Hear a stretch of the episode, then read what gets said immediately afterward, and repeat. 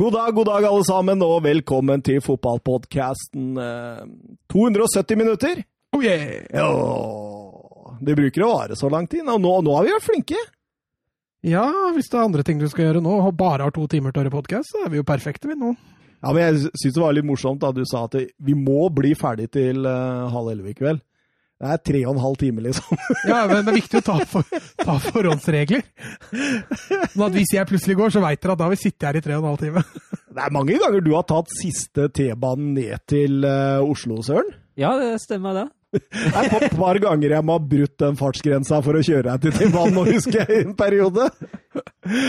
Åh, har vi det bra? Ja. Ja. Det har vært litt kjipt vær i helga, Ja, men det, det, det, det skal tas igjen denne helga, har jeg hørt. Det skal Ja, bli ja. strålende vær. Men uh, deilig. Deilig å være tilbake på fotballbanen igjen. Sånn skikkelig, liksom, med ordentlig, ordentlig spill. det begynte jo strengt tatt forrige uke, da. Ja, men ikke for uh, meg, da, for jeg tok jo over dette laget nå. Ja, der var det vel fullt trøkk, tenker Ja, jeg. ja, det var gøy. Det var gøy. Masse energi og sånt. Jeg, jeg har blitt trener igjen, vet du, Søren. Ja, Gratulerer. Jo, takk, takk. Gjelleråsen uh, jenter 2014. Oi, oi, oi, det blir gøy. Ja, eh, jeg skjønner jo hvorfor du gjør det, i og med at du har et eh, datter der. Jeg tror ikke jeg hadde gjort det frivillig. Nei, det tror ikke jeg hadde gjort heller, faktisk. Da hadde jeg nok sikta litt høyere enn det. Men det, er, det er veldig gøy, og de har ekstremt mye energi og veldig sånn Altså fotballglede. De løper jo og smiler samtidig etter den, med den ballen, ikke sant? Hvor mange øvelser hadde du da? Jeg hadde fire øvelser. Fire øvelser? Ja. Oi. Vi begynte med stiv heks med ball som, som opp, oppvarming. Og så boksen går med ball. Ja, med stiv heks med ball, det likte de. Ja. Det syntes de var gøy. Og så hadde vi pasningsøvelse, altså vanlig sånn innside mottak, innside pasning. Eh, to og to. Eh, og så eh, gikk vi over til en eh, gå mot eh, keeper og skyte ballen i mål. En enkel og grei. Og så gjorde vi litt mer avansert med å sette et par kjegler de måtte kjøre litt slalåm imellom. Og så avslutta vi med skyt på treneren. Ja, Så ikke noe spill, altså? Nei, ikke denne gangen. Det var mer for å prøve, prøve å liksom komme litt i gang, da bli kjent med navna. og det er jo, det var, Vi var faktisk 17 stykker, og det var flere som ikke kom, så det blir et voldsomt kull, søren! Ja, god tropp, da. Ja da, ja da. Så det, det var jo artig. Artig med mye deltakelse og Er det vi- noen talenter der, da? Ja, det var et par skikkelig, skikkelig bra. Ja. Det var det. Du er jo trener eh, med en av de som eh, Eller har i hvert fall vært med en av de som hjalp meg. Eh, og han også reagerte veldig på et par av dem, faktisk. Ok. Mm. Så det Så jeg kjenner han hjelpetreneren din? han, er ikke, han er ikke noe hjelper, han er pappa. Å ja, han er pappa, ja. Ja, Så da skjønner du kanskje hvem det er? Nei. Nei. Nei, nei, nei. Han er glad i poker. Han er glad i poker, ja. Ok. Da skjønner du hvem det er. Nei. Han ville reise til Mandal fra Oslo til å spille poker. Å ja, ja, ja, ja, stemmer det. Han, eh, han har en datter som heter Victoria? Det stemmer, det. Nei, stemmer. da vet du. Og hun var like ivrig som far. Ja. Ja, Så det var veldig gøy. Da går det jo bare én vei, det. Tenk deg det, altså. Du sitter der en sånn torsdagskveld, og så hører du at gutta sitter nede i Mandal og har poker. Så vurderer du faktisk å dra ned og Ja, det er jo en, det er jo en helt vanlig reaksjon, vil jeg si. ah, Det er nydelig, nydelig. Nei, vet du hva, Søren. Jeg tror vi bare hopper i det. Du som har de der ah, ti grusomme spørsmåla. Ja, for meg er det veldig deilig. Fæle, Ja. fæle, ekle. Jeg kan bare sitte her og kose meg mens dere må kjempe mot hverandre. Mats er i storfavorittens hjørne i dag. Ja, vi får se, vi får se. Ja, jeg, er ikke, jeg er ikke i form. Vi begynner i hvert fall med Det er så greit å ta! Det er så greit å ha, begynne så lavt. Så det får bare gått en vei, på en måte. Ja, men altså, jeg liker det. det, altså. det, det, det er jo flaut for Rosenborg å tape mot Toten. Ja, men, men- og du, men- er, du setter deg sjøl i Toten-rollen? Ja, akkurat nå så er jeg det. For sist du gjorde det, nemlig jeg var, du var Stoke og jeg var Liverpool, så blei det Du husker Liverpool dro av sliteseier der? Ja, stemmer det. det var, men det var på Anfield, altså. Ja, ja, men Nei, det var på Britannia! Var det Ja, det? var det. Oi, oi, oi. En kald, Liverpool sleit seg til 3-2-seier der. En sen kveld i Stoke at Trent. Den, eh, det hadde ikke Messi klart, er det noen som hevder? Men jeg lærte jo sist at eh, selv om jeg leder 4-1, så kan Liverpool alltid gjøre comeback. Ja, det, Eller, det kan Wolfs eller Wolfsburg, da, i det tilfellet. Eller Toten. Eller Toten. Kom igjen, Søren. Ja. Ordet er ditt. Vi starta som sist med tre kjappe der, jeg, der dere får spørsmål én og én, og så må jeg ha et kjapt svar. Og vi begynner med deg, Mats. Hvem har flest kamper i La Liga av Jon Carew og Dan Eggen? Ah, den var tøff. Eh, Dan Eggen. Det er feil. Carew har 82, Eggen har 80. Thomas? Det, det går på marginer her. Det går på marginer her. Hvem har flest kamper i Premier League av Ronny Johnsen og Joshua King? Eh, Joshua King. Det stemmer. Det er 154 mot 151. Mats, hvem har flest seriegull av Atletico Madrid og Valencia? Atletico Madrid. Det stemmer. 10 mot 8. Thomas, hvem har flest seriegull av Aston Villa og Everton? Aston snøyla. Det er feil. Det er Oi. Everton med 9 mot 7. Der står det 1-1 Har, før har. Everton ni ligagull? Ja. Det er ganske heftig. Der står det 1-1 for siste runde nå. Mats, hvem har flest mål for det spanske landslaget av Alvaro Morata og Sergio Ramos? Ramos. Det stemmer 21 mot 17. Det var sånn opplagt lurespørsmål. Ja, ja, ja, det. Thomas, hvem har flest mål for det engelske landslaget av David Beckham og Jermaine Defoe? Du kunne ikke tatt Sol, Sol Campbell mot uh, Jermaine Defoe? Nei, det er, det er sikkert David Beckham. Det er feil. Det er Jermaine. Defoe med 20 mot 17, og da går ett poeng sammenlagt til Mats her. Ja. Spørsmål to.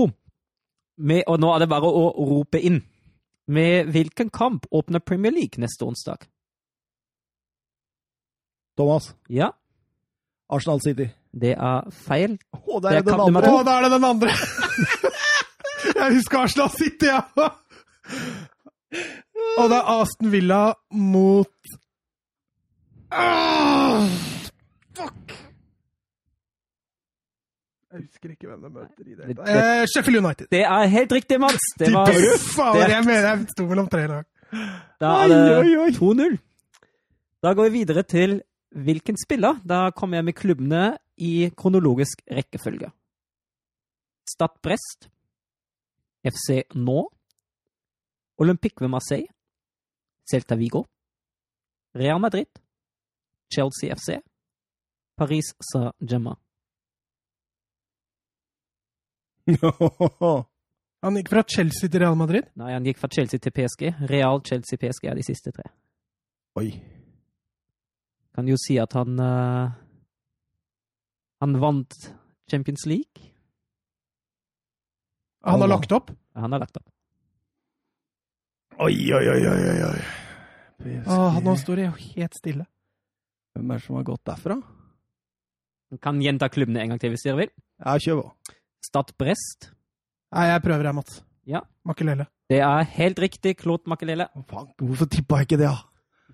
Jo, men desto heftig. Jeg tenkte, begynte på spanjoler, jeg. Ja. Og så tenkte jeg nei, fader, det er jo fransk. Ja, jeg tenkte jo, eh, jeg tenkte jo uh, Makelele ganske tidlig, men så turte jeg ikke av at jeg huska ikke at han hadde gått til PSG til slutt. Det var problemet. Ah. Spørsmål fire. Det er for tiden fire utenlandske trenere i Serie A. Nevn én. Thomas. Ja, Han, eh, Sinisa Mihailovic. det er helt riktig. Bologna, ett poeng til Thomas. De andre tre er Ja, det, det gjorde det. Alle surra meg i italiensk. Og så tar du bare toppklubba. da. Det er Han og italiensk, han og italiensk, han og italiensk. De andre tre er Brescias Diego Lopez, eh, Hellas Veronas Ivan Juric og Romas Paolo Fonseca. Ja, Fonseca, han, tatt. Spørsmål fem. Det er et spørsmål for deg, Thomas. Åh. Florian Wirtz. han skåret mot Bayern forrige lørdag. Og da ble han tidenes yngste målskårer i Bundesliga. Ja, 17 år og 35 dager. det er feil. Hvem tok han rekorden fra? Nei Åh, så dumt. Åh, ja, det har jeg lest. Eh, Kai Havertz sto jo og nevnte det, men det var jo klubb eh, innad i klubben. Altså innad i Leverkosten, eller i Bundesliga? Nei, som yngste målskårer I Bundesliga. i Bundesliga. Det er lov å ta sjanser, Søren.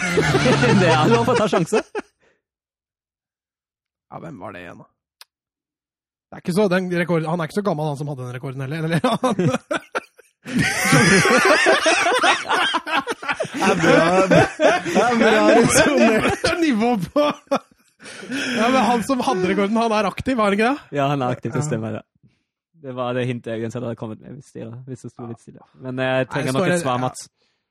Hva Du er så gira på! Nei, jeg, Kai Havertz. Jeg veit det er feil, men det, Nei, det var Nori Shine. Ja. ja, det var det. Ja, Oi, da fortsetter vi med 3-1. Alt er fortsatt mulig. Og da skal vi fram til en fotballkamp, Uh, som jeg kommer til å utdype litt. Lillestrøm-Vålerenga! da, vil jeg som, da vil jeg igjen ha hvilket lag og hvilken turnering det var. Kampen blir spilt 12. mai 2010. Det var en nordmann på banen. Han spilte hele kampen, og han fikk gult kort. På det ene laget spilte blant annet Damien Duff, men han ble byttet ut etter 83 minutter. På det andre laget spilte Sergio Aguero, men han skårte ikke. Ja, Thomas. Thomas. Ja, Det, nå skal vi til eh, Europa League-finalen mellom Atletico Madrid og Fulham. det er sterkt, Thomas. Det er poeng til deg. Ja, det var sterkt. Husker, var- du hvordan det, husker du hvordan det endte? Ja, det, det var, var det ikke Hangeland selvmål omtrent på i andre ekstraomgang eller noe sånt? Eller han var inn, innom han? Det, ja, det var Forlan som ble kreditert med den til slutt. Han skårte begge, Ja. og Atletico vant 2-1 etter For det var 1-1. Jeg husker Simon Davies uh, skårte et ekstremt fint mål her på eh, var vel 1-0 til Fulham en periode, var det ikke Det det? hadde vært en, nei, det var 1-1. Ja, det var 1-1, ja. Det hadde vært det neste hintet at Davis skåra for Roy Hodgsons tapende lag. Men sterkt. Da skal vi videre til nok en liten historie, og da skal vi fram til en spiller. Å, jeg elsker historie. Ja. Han ble født i München. Og så vurderte han som 13-åring å gå til 1860 München. Og med, med sitt nåværende lag møtte han 1860, men da fikk han ørefik av en 1860-spiller og bestemte seg for aldri å spille for den klubben. Men du sa nåværende lag. Nei, for sitt daværende lag. Ja. Han gikk i stedet til Bayern München og ble en legende der. Han ble i klubben i 13 år og vant blant annet fire serier og fire cupgull. Han vant også VM som tysk landslagsspiller. Mats? Ja. Å nei, det var litt tidlig. Jeg står mellom to stykker. Bastian Schweinsteiger. Det er Tror feil. det er eh, mye tidligere enn det. Fordi alle de gutta der, de har tatt en sånn 7, 8, 9 ligagull. Han har tatt bare fire og har vært der i 13 år. Må være en tidlig. Ja, Man ble jo tysk verdensmester, sa du ikke? Ja, det er Jo, greit. jo, men. Han kan jo være tysk verdensmester tidligere enn det. Ja, da, greit. på- Neste spørsmål. Nei, vi fortsetter med historien her. Sånn. Etter, Etter, tiden, Jeg lener meg tilbake, bare vent etter tiden i Bayern spilte han en stund i USA. Oppholdet i USA ble avbrutt av en kort tid i Hamburger SV, da han fikk 28 seriekamper. Han avsluttet karrieren i New York. Senere trente han blant annet det tyske landslaget og klarte å lede laget til seier i VM som trener. Hvem av dette? Det må jo være, det, det må jo være Frans Beckenbauer. Det er helt riktig, Thomas. Ja. Og da er du tilbake i gamet. Oi, oi, oi. Så det Så langt tilbake i tid.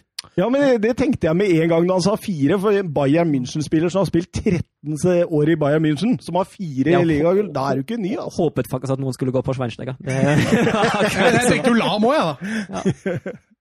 ja, nei, men da er det 3-3. Tre spørsmål igjen. Dette her blir spennende. Spørsmål åtte.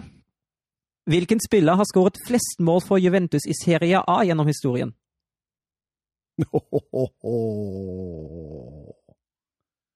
Den er tøff. Er han italiener, eller? En italiener. Eh, Thomas? Ja, Alessandro De Piero? det er helt korrekt, Thomas. Jeg var også på han. Jeg turte ikke å si det.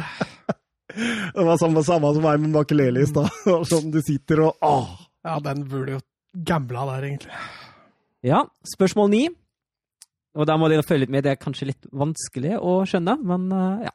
Det spanske kallenavnet til en av klubbene i La Liga oversettes til Madrassmakers på engelsk, altså madra madrassmakerne på, på norsk, hvis man vil ha det sånn. Hvilken klubb? Så kan jeg jo hinte at Kunne du ikke sagt en gule ubåt, da? Hadde jeg visst. Og så kan jeg, jo, kan jeg jo hinte til at grunnen at de blir kalt det, er at deres stripete drakter skal ha lignet på madrasser tidlig på 1900-tallet. Stripete drakter, ja. Det er et par av de laga der, da. Det er jo det. Sånne skikkelig stygge hyttegrønne madrasser. Sånn der Betis, eh, Mats. Skal du satse Betis, eller? Ja, men du, det fins et par i hovedstaden der òg som ikke er sånn vakre Eh, Vi kan jo si en farge som er vesentlig. på Nei, han kan ikke det, vet du. Ja, nei, Da får du tippe først, da. Ja, ja, altså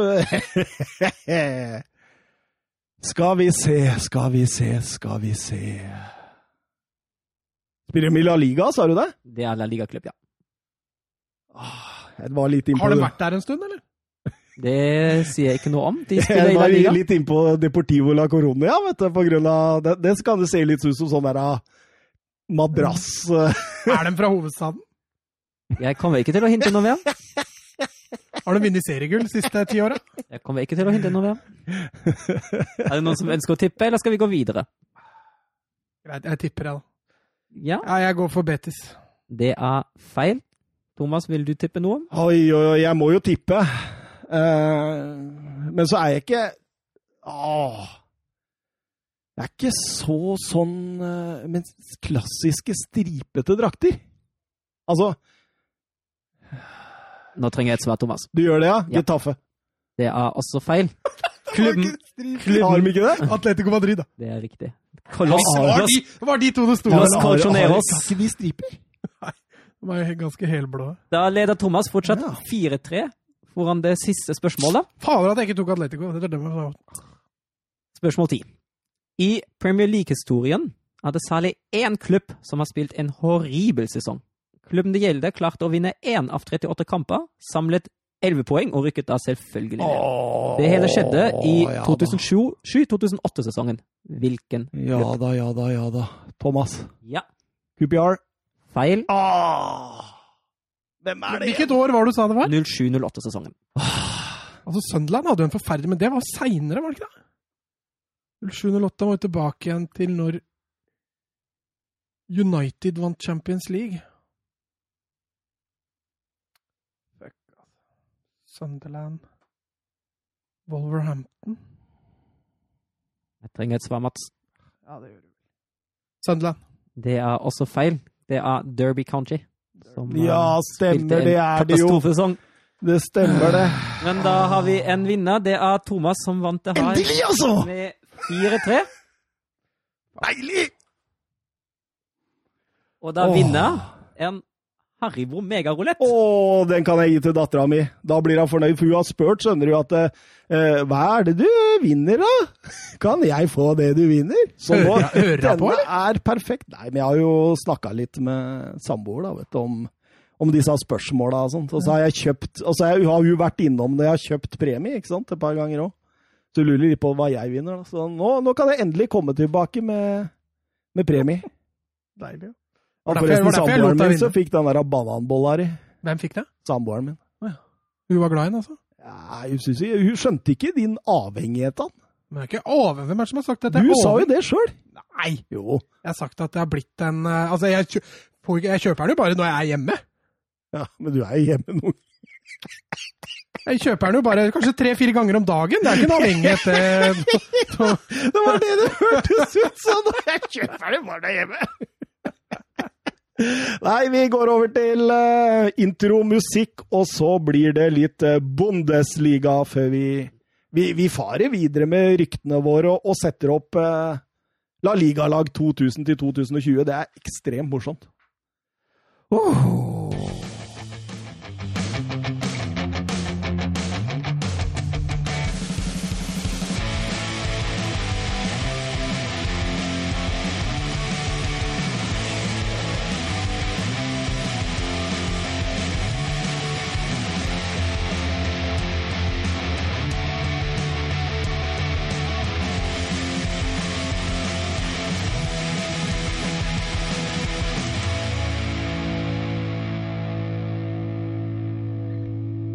Ja, da var vi tilbake. Mats eh, tok det med fatning denne gang. Ja, Viser du fingeren til meg? ja jeg syns ikke det er noe vits i å drive og diskutere quizen nå. Er vi ferdig med for lenge siden, faktisk. Ja, du, du sa jo det så godt òg. Kan jeg ikke skylde på noen enn meg sjøl, så det, det, er litt irriterende. Ja, det er slitsomt det, altså, når, det er, når, du ikke er god nok. Det er, det er slitsomt. Å, det er deilig. Det var deilig å være tilbake i vinnersporet. Og eh, tilbake på vinnersporet, det, det var faktisk Freiburg eh, fredag kveld. Da de noe overraskende slo Borussia München Gladbach med 1-0, Mats. Ja, tafatt. Det var egentlig en tafatt kamp. Eh, Gladbach var eh, Altså, Gladbach var kanskje det beste laget, hadde i hvert fall mest ball og, og produserte noe, men uh, Freiburg fikk det egentlig veldig som de ville den matchen. altså. Nils Petersen kommer inn der og header inn uh, 1-0, så var det var det egentlig OK. Gladbach kan kunne takke litt seg sjøl i den kampen. altså. Ja, og jeg tror nok Marco Rose takker Plea litt, jeg, ja, Søren. Ja, det er, jo, det er jo idiotisk, altså. På gult for å slå vekk ballen, og så blir det utvisning. Og, ja. ja. men jeg kan tenke meg, da, for du så du reaksjonen til Marco Rose da han fikk det første gule kortet. Mm. Han var skikkelig forbanna, slo i trenerbenken og sånn, så det er åpenbart at han liksom på en måte har Eh, jobba litt med Plea på akkurat dette her, da, så kommer det røde kortet. og det, det, er jo egentlig det som tipper kampen litt. fordi før det, så selv om Borussia München-Gladbach ikke var veldig gode, så var de best. Mm. Anført av en jeg syns veldig god Florian Neuhaus igjen. Ja, men dette er jo en type kamp som jeg tror passer han veldig bra, som er litt mer som krigere. Eh, Gladbach er, er det beste laget, men trenger gjerne en løper for å ha initiativ i kampen, og passer egentlig Neuhaus veldig bra. Men som du sier, Plea sin utvisning der, det, det, tar litt piffen ut av Gladbach. Det gjør det. Det gjør det. Og 67% av de siste 21 målene Freiburg har eh, skåra, er på dødball, søren. Ja, det Det er ikke noe overraskende. Vi har vel uh, nesten ikke snakka noe annet enn Freiburg-mål på dødball når Freiburg har skåra siden korona har vært. Så... Ballschmidt starta igjen nå. Ja, han gjorde det. Han var ikke veldig vass. Nei, Nei men du, du ser han har et snitt. Ja, men det stinka ikke Bayern han i den kampen. Nei, det gjorde det ikke. Det gjorde ikke. Vi eh, drar videre vi, til Frankfurt eh, mot Mainz, og eh, dette var svakt av Frankfurt, altså. Ja, helt enig. Altså, det var jo den eneste som virka til å ønske å gjøre noe offensivt. Det var Kostic, uh, som samtidig også etterlot seg store rom bak seg. så var ikke noe, ikke noe Jeg syns det var svakt offensivt generelt av hele Frankfurt, egentlig. Jeg syns det, det, var dårlig, og til og med litt tafatt, egentlig. Uh, så jeg syns det er fullt fortjent at Mainz vinner til slutt. Er ikke dette litt sånn hjemmebanesyndromet vi har snakka om ja. i hver episode? Du, du, har liksom de laga som ikke klarer å motivere seg på hjemmebane uten mm. tilskuere.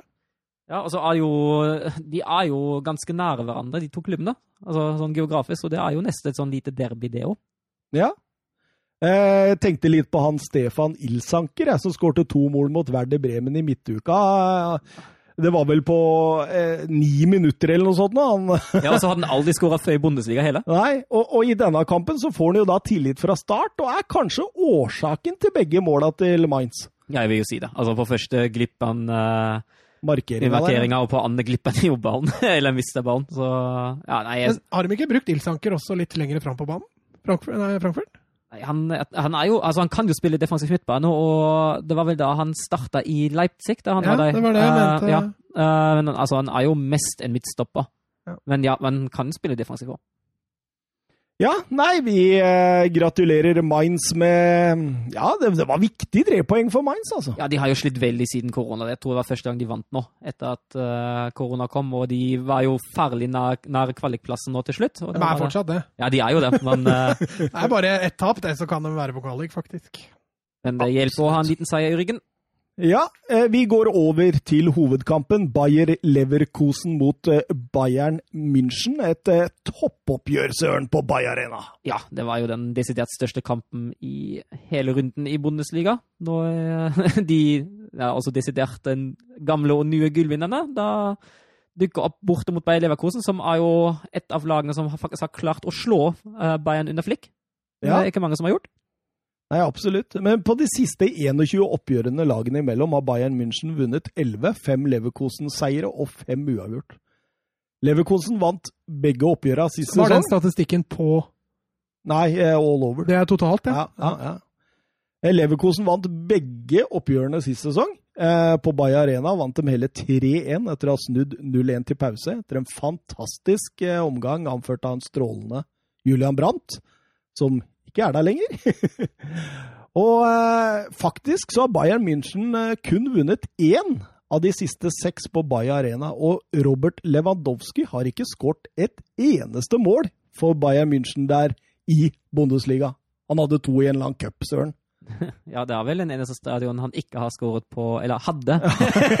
Nei, avslørte du hele Ah, nå, nå kommer folk nei, til å skåle, Nei, søren! han, har, han har heller ikke skåret på i Düsseldorf, da. Uh, men uh, utenom det tror jeg han er gjennom ganske mange av de stadionene der. Og så var det jo litt trist da å se Kai Havertz på tribunen med muskelskade. Det var trist å se at Jonathan Ta ikke spilte fra start, og det var trist ikke minst å se at ikke Kerem Demirbay, som jeg syns var veldig god i forrige kamp, eh, vi hadde Leverkosen som hovedkamp, Ja, det at ta, ta ikke starter, det er vel grunn til å fyke Porsche? med Bosch? Porsche? på, på, på, med på, Peter Porsche! Ja, ja. Eh, Bosch ut i den vanlige 3-4-3 med Diaby, Alario og Belarabi fremst i rekkene. Krigeren Arangis og Baumgartlinger skulle ta midtbanekrigen, mens Leon Bailey fortsatt på den der venstre wingback-greia. Jeg syns jo ikke han hadde en strålende kamp eh, der sist. Eller han kom Han ble vel flytta dit ut i kampen der. Jeg syns dette er feil kamp å bruke der. altså. Eh, Møter du et lag hvor du veit du kommer til å ha mye ball og mye overtak, så er kanskje det en god løsning for å få en ekstra offensiv kraft. Men når du veit at motstanderen kommer til å ha mer ball enn deg, og så setter du en kantspiller i en wingback-rolle, da ber du litt om trøbbel på, på venstresida di. Altså. Ja, hele eksperimentet varte jo også bare i én omgang, da.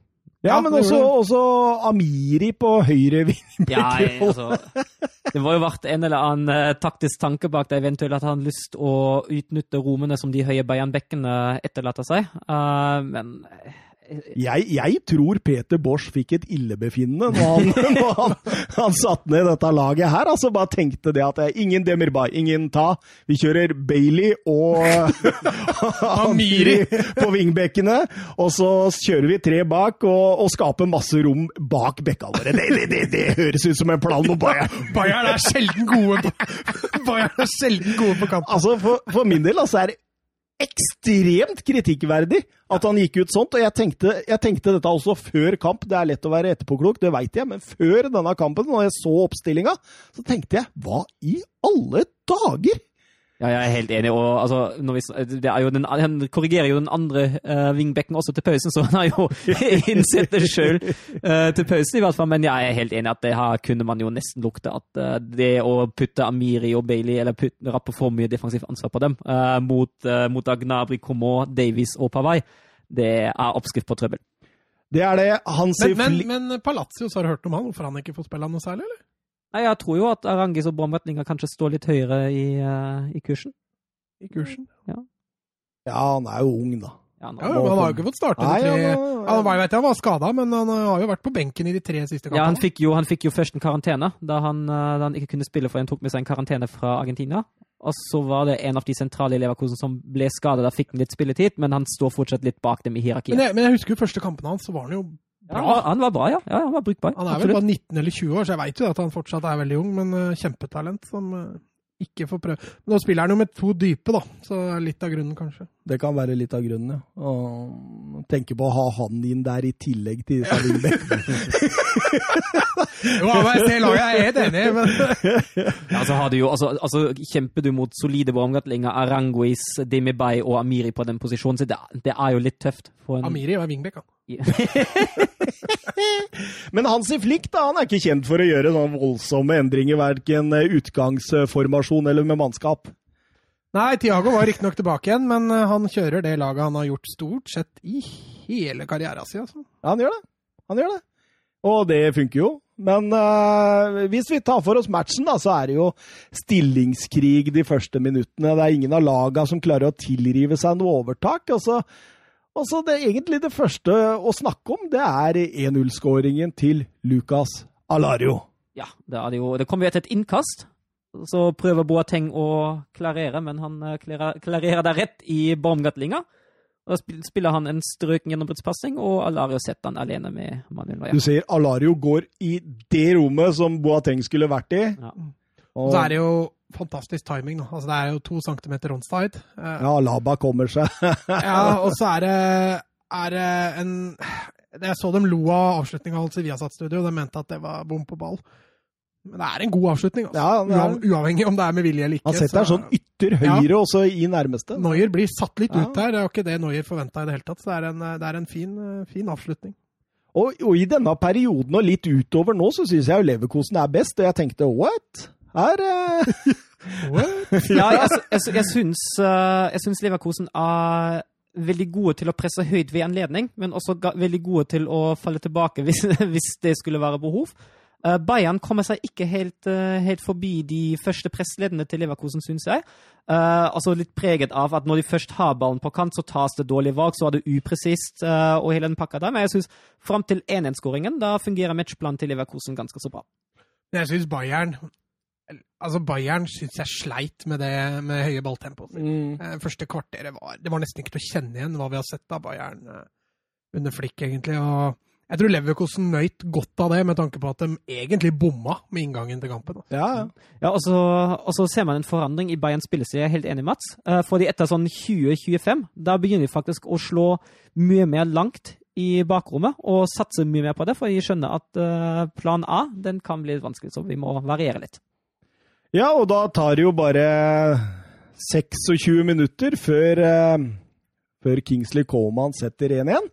Ja, det er stort sett takket uh, Diaby og uh, Goretzka der.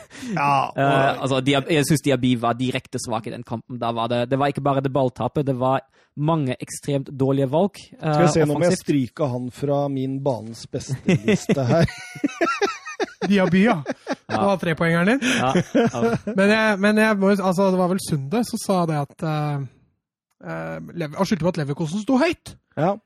Uh, og det tenkte jeg, og det gjør de jo for så vidt. Og mister du ballen der, så blir du bein, beinhardt straffa hvis du står høyt. Men det balltapet der er jo ene og alene grunnen. Altså, Du kan ikke skylde på at laget står høyt. Nei, det er sant, det. Nei, det er jo laget inn For laget er jo på vei Ja, det er akkurat det fremover. jeg Ja, ja. Og det er klart når skal vinne den ballen, og det første han gjør er å slå den i bakrom. Hva får Forsvaret gjort, da? Nei, det er ikke det er enig, ikke det ser jo ut som et trekkspill. Det går jo som en sett, den forsvarslinja. Altså, det er ikke bra, det heller. Men Men de er jo på vei ja, oppover. det de er får ikke akkurat det jeg omstilt seg. mener. Og det, det går for fort til at det får gjort noe annerledes. Så den, den skylden der går ene og alene altså, til, til Diaby. Så går man inn da med en ekstremt rotete periode. Jeg syns det er pasningsfeil på rekke og rad, balltap, og jeg satt og tenkte liksom det at Ser jeg en toppkamp i Bundesliga nå, eller ser jeg en sånn uh, mid-table championship? eh, Switcha på TV 2, du, og så Færøysk fotball. ja, det kommer jeg aldri til å gjøre, Mats. Nei, så det, det var jo bare også, Det var skikkelig, skikkelig svakt, liksom. Og det, det var så Altså, jeg hadde gira meg opp til denne kampen. Jeg hadde gleda meg til den kampen. Altså, jeg ser jo fotballen for det estetiske nytelsen, ikke sant. Det fantastiske spillet, det altså. Men her var det totalt blotta. Helt fullstendig. Men likevel så klarer Bayern München å skåre i en så dårlig periode. Ja, det var jo en uh, overgang igjen, da er det, som havnet, til slutt havnet han hos Goretzka. Og da tenkte jeg først at den tar feil vei, tar feil valg, eh, fordi han, han burde ha stikket han. Men uh, han skyter sjøl, og det går jo greit. Men han bomma, jeg syns han bommer litt på timingen på passingen der. Altså, det er nesten sånn at han må skyte sjøl, og så setter han jo i lengste Radetski kanskje ikke helt heldig der. Han kunne kanskje ha tatt den. Og da kan du jo si at eh, Bayern har vært ekstremt effektive. Ja, hvis vi skal summere opp kampen etterpå, så er vel det et godt stikkord totalt sett også. De, de hadde kanskje mest ball og var kanskje mest giftige, men det var, det var traurig. Eh, Så det var nok en veldig lettelse å ta ledelsen der. Altså. Men så tenker jeg da at eh, altså etter 44 minutter der det, det er, altså Vi snakka litt om, eh, om Bosch og denne mulige Hva er det jeg kalte det? Illebefinnende. Illebefinnende, ja. Men så, helt mot slutten av kampen der, så får jo Leverkosen-forsvaret fullstendig Altså, det, det er, det, det, det er flatt, flatt batteri, altså. Det er helt vilt, altså den Gnabry-sjansen der. Man kan jo begynne å lure på hva den der bakre treeren skråstrek femmeren driver med der. Står så ukritisk høyt når man ikke er i nærheten engang å presse på ballfører. Men du snakker om mål eller sjansen? Nei, da tenker jeg på den sjansen kommer rett før målet. Ja. Når eh, Boateng der slår fra egen halvdel, og Gnabry går på det løpet. Eh, eh, kommer aleine mot Radesjki, og Radesjki gjør faktisk en veldig fin beinparade. ja, der er han tålmodig. Ja, Og så ett minutt etterpå så skjer det nøyaktig det samme! Og de har ikke lært noen ting av det som skjedde! Men du, du må lære av det! Du, du tjener mange haugevis av millioner! Du må skjønne det at du kan ikke drive på sånn i Bundesliga! Nei, og Bayern, da, som, som åpenbart hadde begynt å slå mye lenger også. Det er klart, Når du da ikke har press på ballfører, og midtstopperen står der og kan prikke dem inn i bakrommet, så må du jo falle. Det er, eh, det er en hjerneblødning og en feil, nesten utilgivelig, faktisk, at de klarer å gjøre det to ganger på såpass kort tid. der. Ja, altså, Kimmich han har jo ikke press på seg. Det finnes jo ikke når han slår den ballen. Og eh, Gnabry aleine igjennom mot Radetsjkij, og lobber jo iskaldt, da. Det må Ja, ja. sies. Fin skåring. Hans tolvte for eh, sesongen. Hans første etter koronapausen, så den var nok Ja, I likhet med Koman, var det ikke? Koman også skåra sitt første etter korona. Ja. Så du Havertz og Bender på tribunen, eller? Når, de, eh, når den 3-1-skåringen kom? Ja, den- Rista på ja. huet, og det var helt sånn der at du Ja, du skjønte vel at de var litt enige med oss der? At, eh, Det er fint nå, de slipper å holde seg for munn Ja, når de, skal melde, når de skal melde noe. Ja. Men uh, det, det kom jo godt fra hva han eh, Bender, hva han mente, da. For Han bare, det, han bare gikk, han. gikk og rista på huet der. Men da går vi til pause, da, og eh, ja Kan jo, kan jo nevne at det passer veldig godt i den kampen her at både Lewandowski og Thomas Müller pådrar seg et helt unødvendig gullkort, og begge to må stå over neste kamp. Ja, men det har vi jo sagt at det, det klarer de seg nok med. Jo, jo. Ja, vi var innom det sist, at eh, de klarer seg uten en av dem. Men eh, vi får se om de klarer seg uten begge. Ja, du kan jo si det at Bayern München er blitt servert en ledelse på sølvfat her i denne kampen her. Eh, Dette er noe av det svakere også jeg har sett av Bayern på lenge, faktisk. Ja, det nevnte vi jo. Det var vel ikke på, begynt å spille igjen ennå da, men at det er synd at Leverkosten ikke greier å utnytte at Bayern er så svake som de er i den første gangen. Og at eh, Leverkosten da presterer enda dårligere, for det er noe av det svakeste vi har sett av Leverkosten også, Ja. etter at Bosch fikk orden på det. Ja, det, det minner litt om det som de presterte mot Wolfsburg eh, en og en halv uke før, faktisk. Det, det så lignende ut mot en dårligere motstander, selvfølgelig, men uh... Ja, sier, Altså- sier du at Wolfsburg er dårligere enn Bayern München? Nei. ja, men altså, jeg tror Peter Bosch gikk inn til den pausa og tenkte her er det godt jeg har fem bytter. og han eh, kom vel ut i annen omgang med tre bytter, var det ikke så? Ja, Både Wirtz, Wendel og Demir Bay kom vel inn, Søren? det stemmer for eh, Amiri Belarabi og Bailey, og så endrer han eh, grunnformasjonen også. Han går fra 3-4-3 til 4-2-3-1, og han setter da Demirbay i tierrollen bak Alario. Og da begynner man egentlig, syns jeg, å begynne å se en sånn fotballkamp jeg forventa meg litt mer. For da syns jeg liksom på en måte Altså, at Leverkosen må jo opp og fram, og det gir overganger til Bayern München, og det blir mye mer fart i spillet. Og eh, jeg tror nok eh, Peter Bosch har virkelig sagt ifra i pausa hva han mente om den prestasjonen de hadde i første der. Ja, det var vel å forvente, og det var eh, Det var som du sier, altså Bayern-laget var ikke bra. Likevel ligger du under 3-1, og du, du har bomma litt på inngangen sjøl. Jeg tror kanskje han var litt oppgitt over seg sjøl òg. Etter eh, 62 minutter der, da har det vel bølga litt fram og tilbake. Eh, Leverkosen prøver jo virkelig å, å komme seg inn i matchen. De gir jo dette et forsøk. Mm. Så får jo Gnabry en sjanse der. Alaba med fint uh, oppspill i bakrom. Uh, bak høyrebekk Dragovic der. eh, Dragovic han ble jo sendt på 34. rad der og legger nydelig 45 ut til Gnabry, som fra straffemerket ikke klarer å presse ballen ned. Mm. Eh, tre minutter etter, Søren, Da blir det da blir det faktisk Lewandowski. Ja, og da blir det, da blir det innlegg fra Mulla, som har blitt flyttet litt mer ut på kant. eh, For det, det Flick har jo gjort, at han har plassert Gnabry slash Coman ved siden av eller bak Lewandowski for å satse litt mer sentralt på, på kjappe overganger der. Uh, Mulla vek mer og mer på kant i løpet av omgangen, og så slår han et strøkent innlegg eh, etter en fryktelig feilpasning av Tapsoba, må sies. Men eh, innlegget finner hodet til Lewandowski, og så skårer han på Bajarina. Det Tapsova der, da. Ja, Papsoba der, han bør ikke si noe mer. Nei, nei, det er ikke, det er ikke Det er rullegardin, det, faktisk. Eh, Lewandowskis 30. Bundesligamål. Ja, Han Eh, tangerer vel sitt beste sesong. Mm. 44 totalt. Eh, hvert eneste mål dette, denne sesongen og utover nå, holdt jeg på å si, er rekord Mm. for Lewandowski. Det er imponerende. Og nok en gang så Altså, Leverkosen gir jo bort det målet òg. Det er jo tre mål de faktisk gir bort. Ja, det er nesten litt sånn utilgivelige feil å gjøre. altså Én ting er å gjøre det mot eh, ja, Wolfsburg, men når du gjør det mot Bayern, du kommer til å bli beinhardt straffa. Leverkosen skal være litt glad for at Bayern ikke var 100% i den matchen her. altså. Ja, for da kunne det blitt stygt. Da kunne det blitt veldig stygt. Men eh, samtidig, da. De nå roer det ned. Det blir masse bytter, eh, og, og, og da går jo spillet inn i en sånn fase om at eh, kan du ikke bare blåse av nå, av dommer? Mm. Det blir jo sånn. Ja, det blir jo sånn. Mest positivt for Leverkosen i den fasen er kanskje at Kevin Folland er tilbake på banen og får et kvarter der. Ja. Skal du ta med den Wirt-skåringa? Ja, det vi må må vel ta med. For det, er, det kommer jo faktisk en historisk skåring der. Jeg gjorde det. Og det var jo han der for Leverkosen, vet du, som, har, som har vært kaptein på U19-landslaget, vet du. Han der av Han var ganske god, han Søren. Han der som debuterte her for et par uker siden, Søren. Husker du han, Søren? Ja, jeg husker han. Jeg husker hva den het, Thomas. Florian Wirtz. Det skal jeg aldri glemme, Søren. Du får ikke poeng nå, da.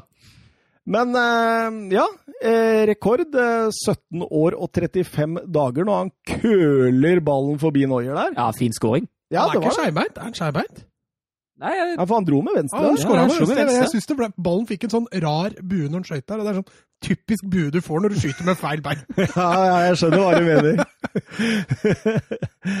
Men eh, fint forarbeid av Paulinho og Kevin Folland der, da. Ja, fint samspill. Det var nydelig. Og eh, ja, men dommeren blåser jo av tap eh, 4-2 for Leverkosen. Bayern München cruiser videre, og på en off-dag så er jo det sterkt borte mot Leverkosen.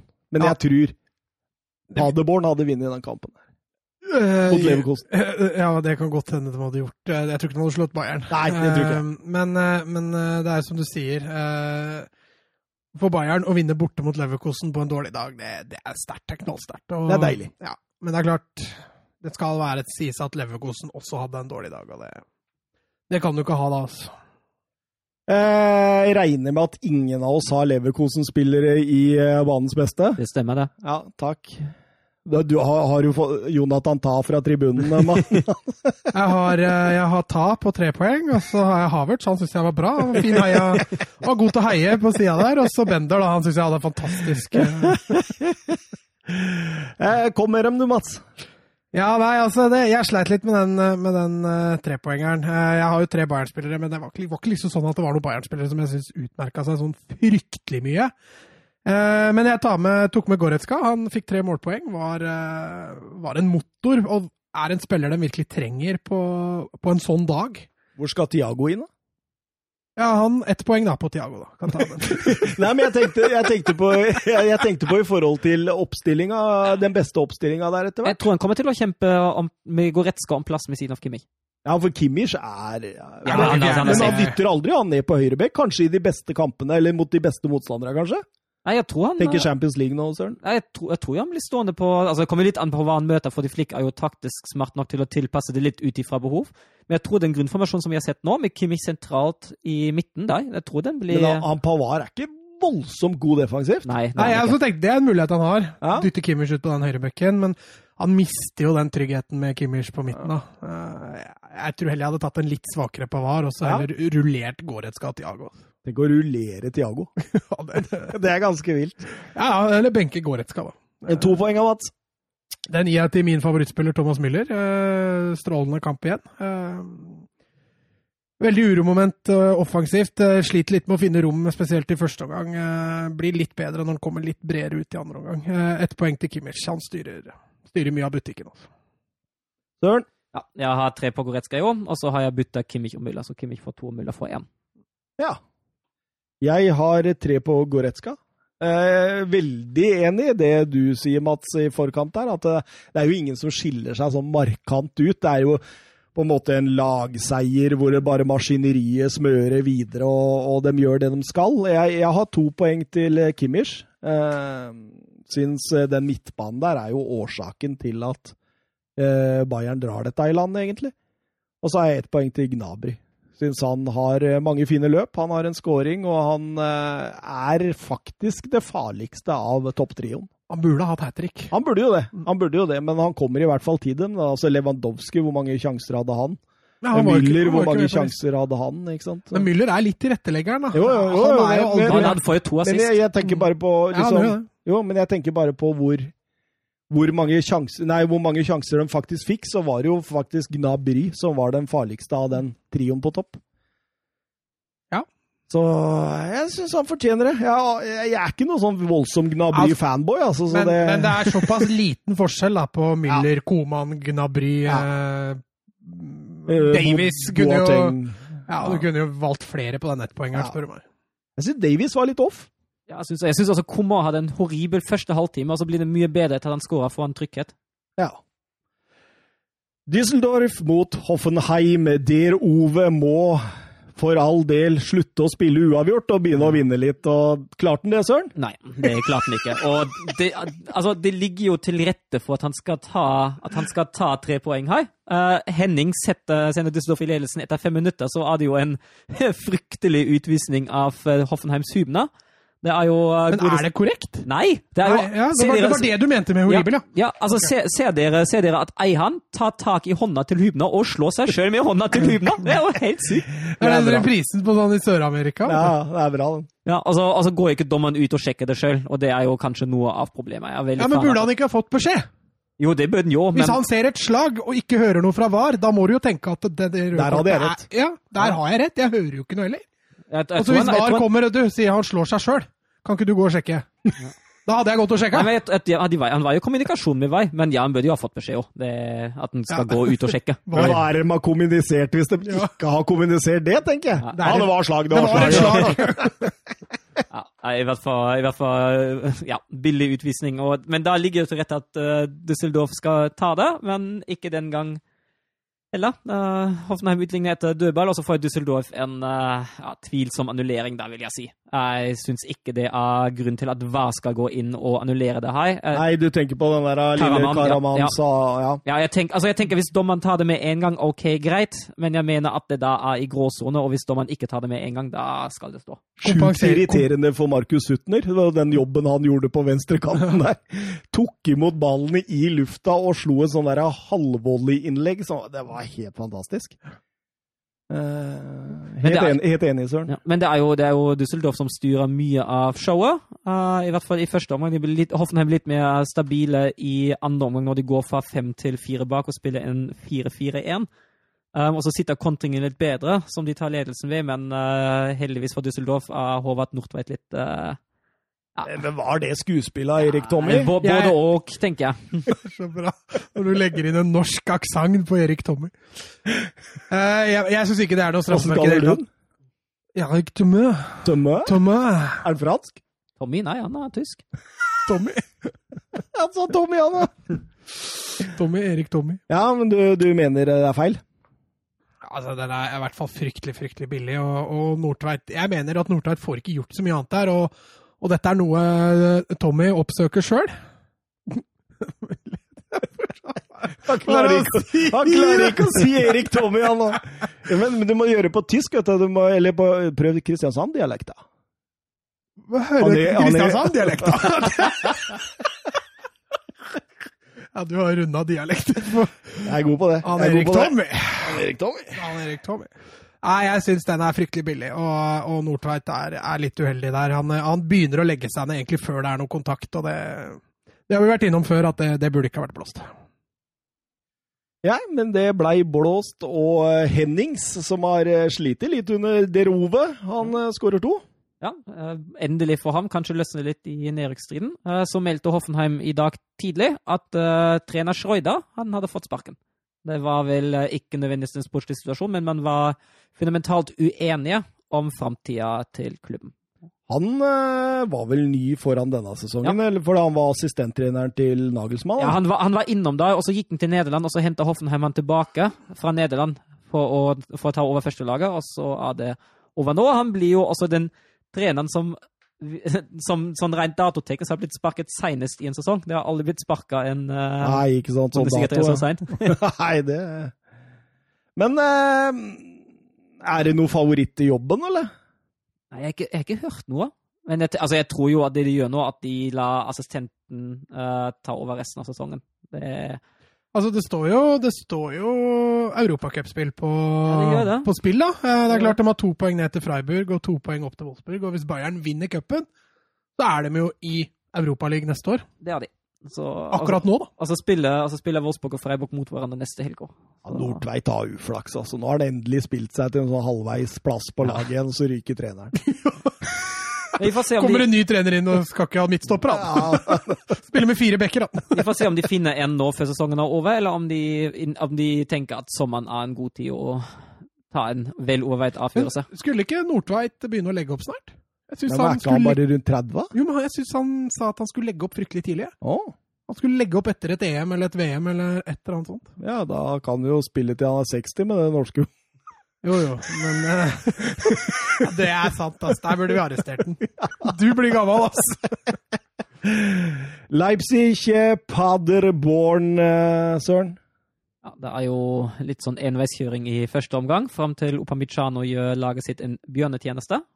Og blir, får sitt andre gule for å slå vekk ballen. Det minner jo litt om Plea i Ja, litt rann, I fredagskampen. Ja, ja. Men- Opa Mekano er eh, Vi snakka litt om han, at eh, han er jo blitt veldig haussa opp i overgangsmarkedet nå. De sier jo at det er store, nye og la, la, la, la. Eh, så, sa jeg, så sier jo jeg til deg, Mats, at eh, jeg tror ikke han blir så veldig god, jeg, som folk sier. Jeg syns han mangler fart, og så sier du ja, du Han mangler jo noe annet òg. Ja, det var basert på den her, at han, han, han mister det oppi huet. Eh, Han mister ballen først litt uh, umotivert, og så skal han vinne igjen, lager et frispark, og så blir han vel mest oppgitt over seg sjøl, og så sparker han bort ballen, og så er det fryktelig klønete. Ja, det passer litt til det han har prestert siden koronapausen. Det har ikke vært særlig sterkt. Ja, men eh, altså Er du enig i Søren, eller at han er litt oppskrytt? Jeg er enig med Thomas at han mangler fart. Eh, Det er jeg. Ja, men det gjør jo Hummels òg. Skal vi ta den diskusjonen?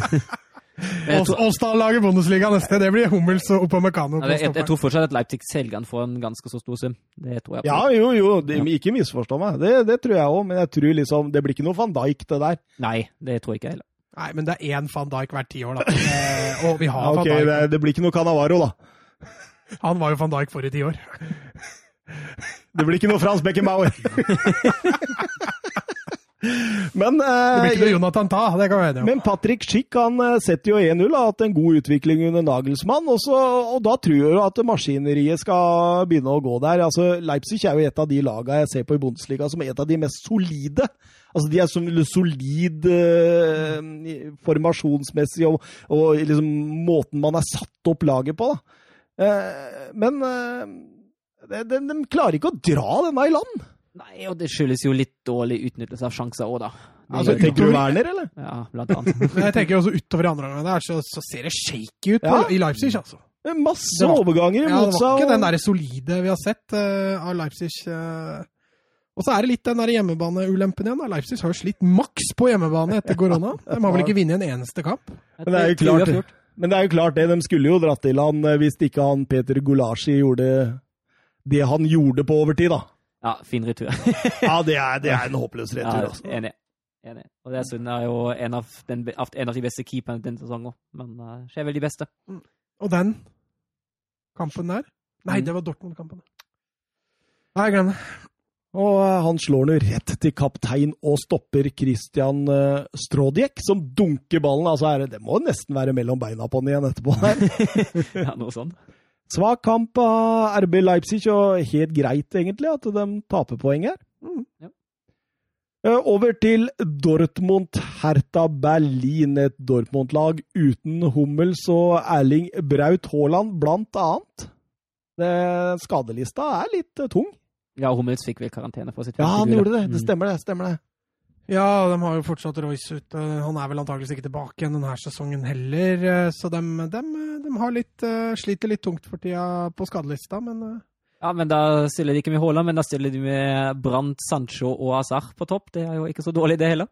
Nei, men da blir det en helt annen måte å angripe, Ja. angripe på igjen, vet du. For da får jo han spissen som møter, og ikke han spissen som stikker. Men eh, også samme, det la jeg merke til, de sa også de kommentatorene, at de, de har ikke den bredden på benken heller, Mm. når de har alle de skadene. Altså Reina og, og eh, De har flere store talenter på benken, men dette er jo ikke nødvendigvis spillere som kan komme inn og prege kamper. Det er klart du har en rutinert Schmelzer, da, men han også kan jo ikke prege kamper. og Det, det er klart eh, Dortmund bør håpe på, når de har så mye skader, at de gutta som er på banen, de må avgjøre det. Men uh, Julian Brandt var veldig god som falsk nier. Han, han var liksom den beste offensiv, syns jeg, i store deler. Altså, Sancho var bra, men uh, Sancho er alltid bra, syns jeg. Men han er, han er, så flink til det å finne de riktige romma hele veien. Han oppsøker Du ser ham altså Hodet hans fungerer, er omtrent som en radar. Så er han så bevegelig. Ja. Det er så godt å se sånne tiere som beveger seg så mye og hele tida er på jakt etter de ledige rommene. Og det er jo nettopp det som gir 1-0 til Dortmund òg. Mm. At uh, Julian Brandt uh, beveger seg og, og, drar på et løp i et rom der det ikke er ikke, Han er ikke veldig heldig i den Sancho-pasningen der, da. Han får den i huehøyde, men han gjør jo noe genialt ut av det. da. Ja, absolutt. Header tilbake til Emre Shan der, som via keeper Søren setter ballen i mål. Ja, fint skudd. Fint plassert i hjørnet.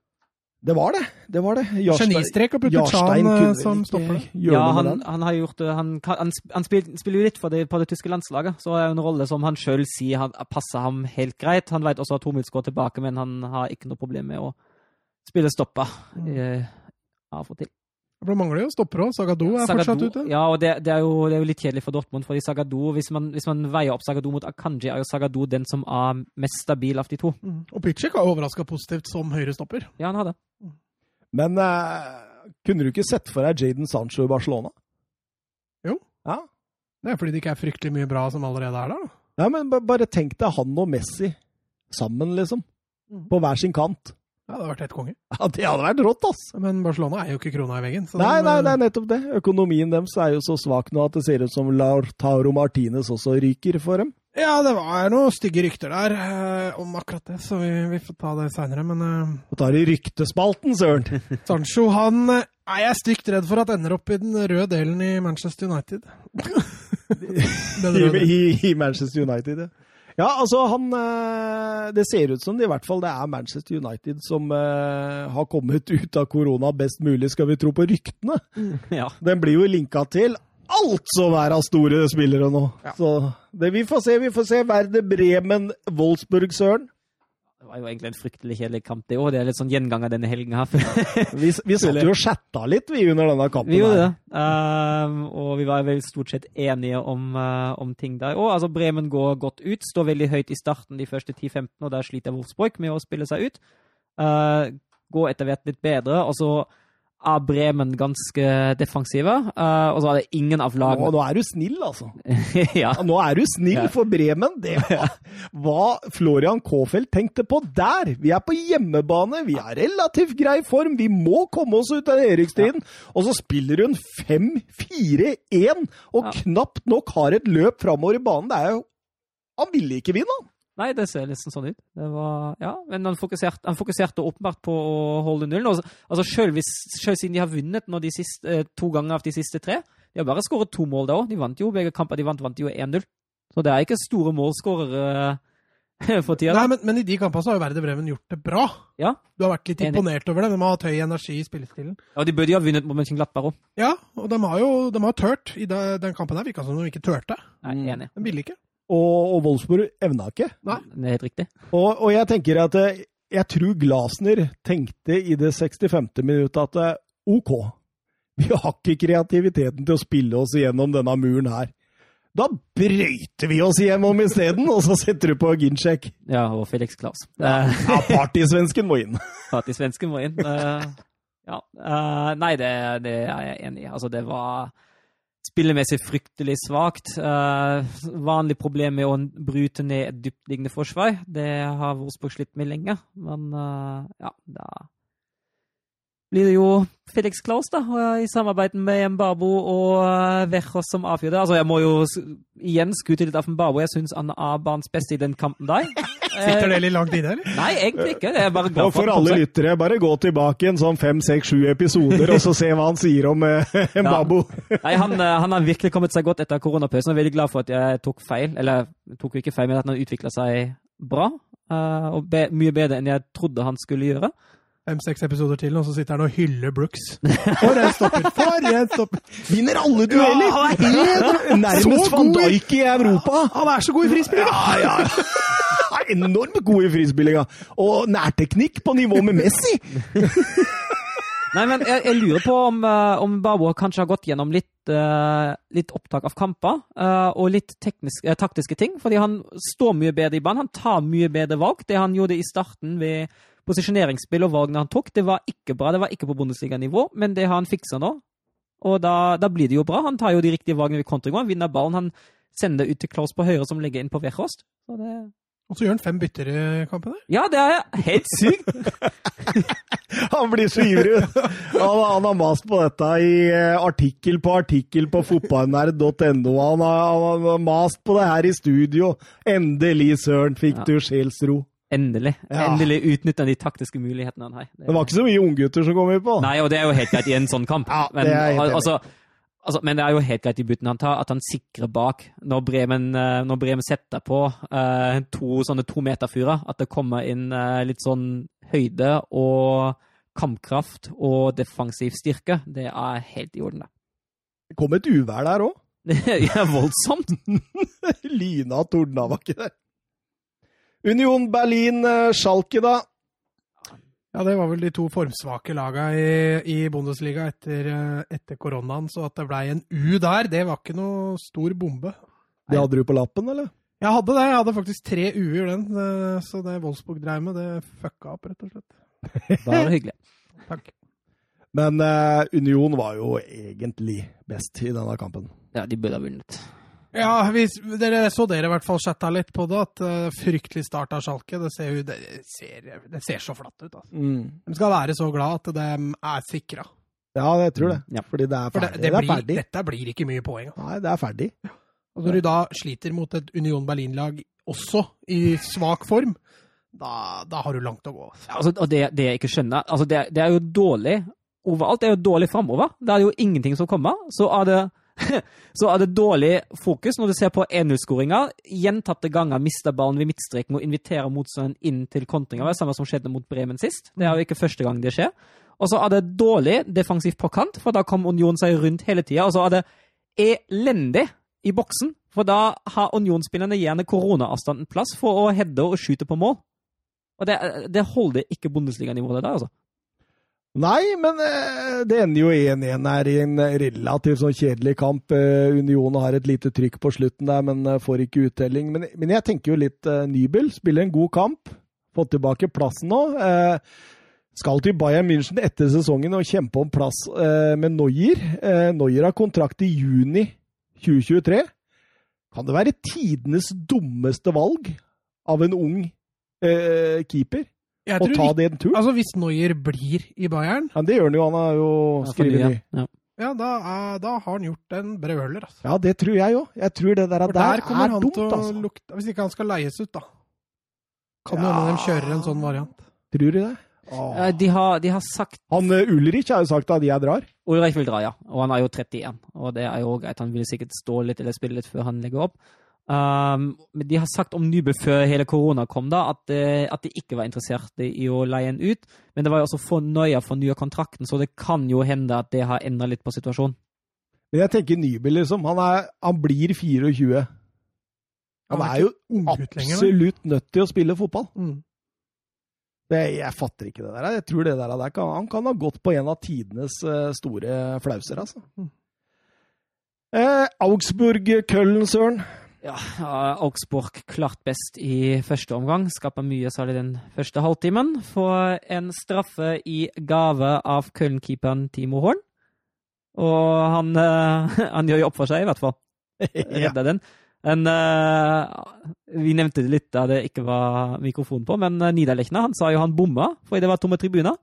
Fordi han pleier alltid å sette den til høyre, og så står det Köln-forsvarsspilleren eh, bak ham da han eh, skal ta straffen, og roper til Horn Du veit hvor han alltid skyter, ikke sant? Og da ombestemmer Niederlechner seg, setter han i venstre, og da er Horn. Syker han ut, altså. Ja. Ja, absolutt. Eh, annen omgang så, så, så er det tydelig at eh, Gistol har sagt til dem at nå må dere skjerpe dere. Ja, da begynner Köln i hvert fall å forsvare seg. Og det er jo, det er jo noe det er fortsatt litt sånn Jeg syns ikke det er en bra kamp av Köln. Jeg syns det er preget av litt den ukreativiteten i angrepsspillet som vi har sett de siste kampene. Jeg syns det er veldig mye langt og høyt. Og det hadde vært egentlig hele tida siden korona. Men eh, få et poeng ut av det til slutt. Lot meg imponere av denne Philip Max, jeg. Ja, han venstrebekken, han er god. Ja, bra. 26 år. Eh, venstrebekk, venstrekant. Jeg kan se for meg han i større klubber enn Augsburg, altså. Ja, og så må du tenke, og må du Ikke tenke Augsburg storklubb. I større klubb, sa jeg. Og så sammenlign, sammenlign han med Jonas Hektor, og se hvem som spiller for landslaget. Ja, ikke sant? Uff a meg, uff a meg. Eller Robin Gåsens. Gåsens. Ja, ja går burde jo spille. Gåsens burde spille. Han går til Nederland han hvert øyeblikk. Neste episode så skal vi snakke La Liga også. Da starter det. Det blir eh, Betis Sevilla på Ære torsdag. Ja. Oh. Så da blir det Bundesliga og La Liga. Da kutter vi ut disse Mainz og Paderborn og Werder Bremen, og det blir deilig søren. Nei, jeg vil ha Det går helt fint. Så det, det blir litt artig. Og så starter Premier League og Serie A opp igjen, Ja, og da er det jo fullt kjør igjen. I hvert fall i to uker til, så slutter jo Bundesliga.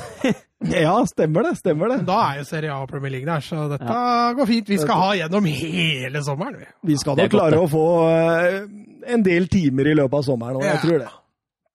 Skal vi, skal vi dra litt eh, sånne overgangsrykter og prate litt eh, transfers, eller? Det er litt gøy. Det er litt kult. Du er enig i det, Mats? Jeg er enig i det. Eh, vi kan jo begynne med Lautaro Martinez. Eh, Det hevdes fra flere hold at eh, Inter har satt en prislapp på 1,2 milliarder, og det er en pris Barcelona ikke kan betale.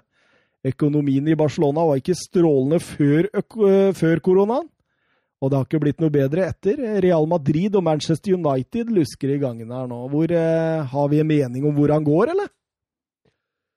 Nei, jeg har ikke noe mening. Eh, Jeg tror eh, Altså, jeg håper jo at han går til Barcelona for en eh, arvtaker etter Suárez. Det trenger de absolutt, og det virker ikke som de de har en umiddelbar erstatter i egne rekker ellers, så, så det hadde vært absolutt fristende å ha han i Barcelona. Hvis det er sånn at Inter ikke kan ta imot spillere i innbytte, så har ikke Barcelona 1,2 milliarder, og da, da blir det hardt, tror jeg. Ja, det er jo litt det som, som vi ser med de spillerne som ikke har noe utkjøpsklausul, da klubbene sjøl kan bestemme, bestemme prisene. Det de blir jo veldig vanskelig nå i, i korona, fordi klubbene har selvfølgelig ikke lyst å gå ned på verdien av de. I hvert fall ikke på eh, viktige spillere type som uh, Martinez eller Havertz, og da kan de fullt ut bestemme hva det blir. Jeg syns dette er en typisk sånn spiller som blir et år til nå. Mm. Som tar et år til i Inter, så Men, men det kan også skyldes litt koronaen. Ja, ja, på jo, grunn men av det at er, det, jo, sesongen men det er er det jeg mener litt. Ja, at uh, på grunn av den prislappen og sånt, så, Mm. så, så blir det i hvert fall et år til. Newcastle-oppkjøpet går inn i sin niende forhandlingsuke. Klubben eh, kjører ingen kommentar på absolutt alt som kommer av forespørsler, men rapportene tilsier at de er svært optimistiske. Så det, Mm. det blir spennende å se. Så er det Timo Werner-sagaen, da. Ja, det, Den har tatt en ny vending. den har jo det. En spennende en. Den så jeg ikke komme. Nei, den så ikke jeg komme! Og, og nå kan den jo ta enda en ny vending. Senest i dag leste jeg at City har hivet seg inn i sånn tolvte time, for han har jo fortsatt ikke skrevet under på det papiret. Nei, han må vel ta klausulen fram til fem, innen 15. juni, så om en uke vet vi mer. Ja, Men uh, ja, det Men er det virker jo som det blir Chelsea nå. Ja, det virker veldig sånn. Det virker at det er, at det er Altså, det er, det er jo flere seriøse medier i både England og Tyskland som skriver om det her. Og da, da er det ganske Da, da, da er det noe hold i det, altså. Det, det, det, det virker jo logisk, ikke sant? Nå skal Chelsea kvitte seg med William og Pedro. Og Og så, Gi- og Giroud. ja, og så får de overgangssummen fra Alvaro Morata denne sommeren. Og den er omtrent litt sånn og dekke Timo Werner. Mm. Det er sånn helt grei business. Så det er nok ikke dumt, og jeg tror nok det blir Chelsea, selv om eh, avisene ville at vi skulle tro litt på City. Men det er Ikke sikkert det er så dum match, det heller. Altså, selv om vi, han passer bra i Liverpool også. Så Ja. Et sånt uh, Chelsea-lag vi har sett i år, så kan det hende at Werner inn der er, eh, er en bra avlastning for, eh, for Abraham. For der tror jeg han kanskje kan være enda litt mer midtspiss enn Mm. en det han er. Ja, og så er han jo så fleksibel. Han kan jo spille nesten alt offensivt. Han, han, er, han er etter min mening best som spiss, men han kan jo brukes ganske mange steder i banen. Ja, altså Nagelsmann har jo brukt han mye ut Ja. venstre. Absolutt. Chelsea linkes også sterkt til Leicesters venstreback Ben Shilwell Chilwell. Har hele fire år igjen av kontrakta si har blitt engelsk landslagsspiller. Og Leicester har ingen press på å selge i forhold til økonomi. Tror vi det blir vanskelig da, eller? Al- Alt har jo en prislapp, selvfølgelig, men eh, Må vi opp på Maguire, liksom? Jeg skulle ikke forundre meg Leicester. Har jo ikke noe stress med å selge. Hvis ikke Chilwell vil presse gjennom en overgang, så Nei, Og så spiller jo Leicester kanskje Champions League neste sesong òg, da. Så da får man jo i hvert fall Ja, det er ikke sikkert Chelsea. Ja, nettopp. Altså, altså, men de får jo inn penger via Champions League òg, så ja. Hvis det blir. Men jeg, jeg, tror, altså, jeg tror Leicester kommer til å ikke akseptere en krone mindre enn det de fikk for uh, Maguire. Hvem er det de har på venstrebekken mot Chelsea? Det er Alonso. Ja, det er Alonso og Emerson. Ja, for de hvem er det de har skjøvet oh, de skyver jo eh, Aspille og- oppover. ja. ja, det- så da, De trenger jo en venstrebekk. Ja. De gjør, de gjør det, altså. De gjør det.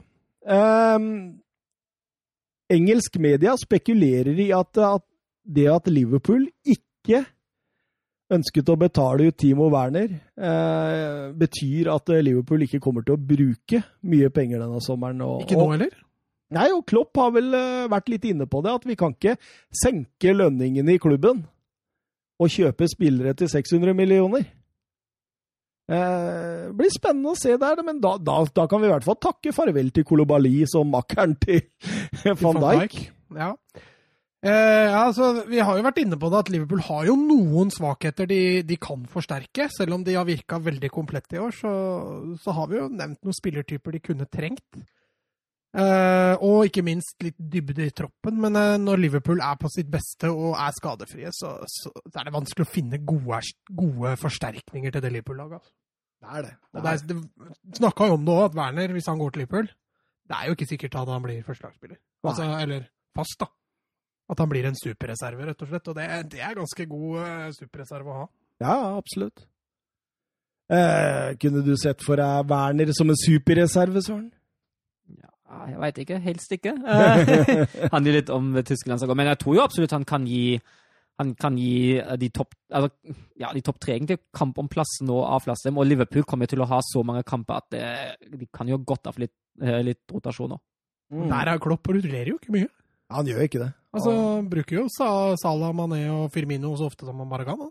Ja. Fordi han ikke har noen alternativ? Eller? Ja, det, Ja, det kan godt hende, hvis, hvis, hvis han da får Werner inn, da er det jo, er det jo alternativer der. Mm. Jeg tror absolutt han hadde Jo, han fått har alt det. Han har Origi. ja. Alminamino ja. Altså, jeg tror, jeg, tror hvis Werner, Shaqiri. jeg tror hvis Werner hadde gått til Liverpool, han hadde fått sine minutter og sine Kommer kamper. vel. Harry Wilson Han ble utlånt Nei. igjen nok en gang, han, til Ja, så, eh, så leste jeg også at Liverpool var åpen for å selge den. Ja. Og Da er det Rian Brewster. Ja. Nei, det er det. Vi får se, vi får se. Um, Paris Saint-Germain-spiller Ander Herrera har sagt i et intervju til AS at eh, lagkompisene Neymar og Mbappe ikke kommer til å bli solgt den nærmeste fremtida. Han forteller at media hyper ting voldsomt opp, og at han ser to gutter som trives godt i klubben.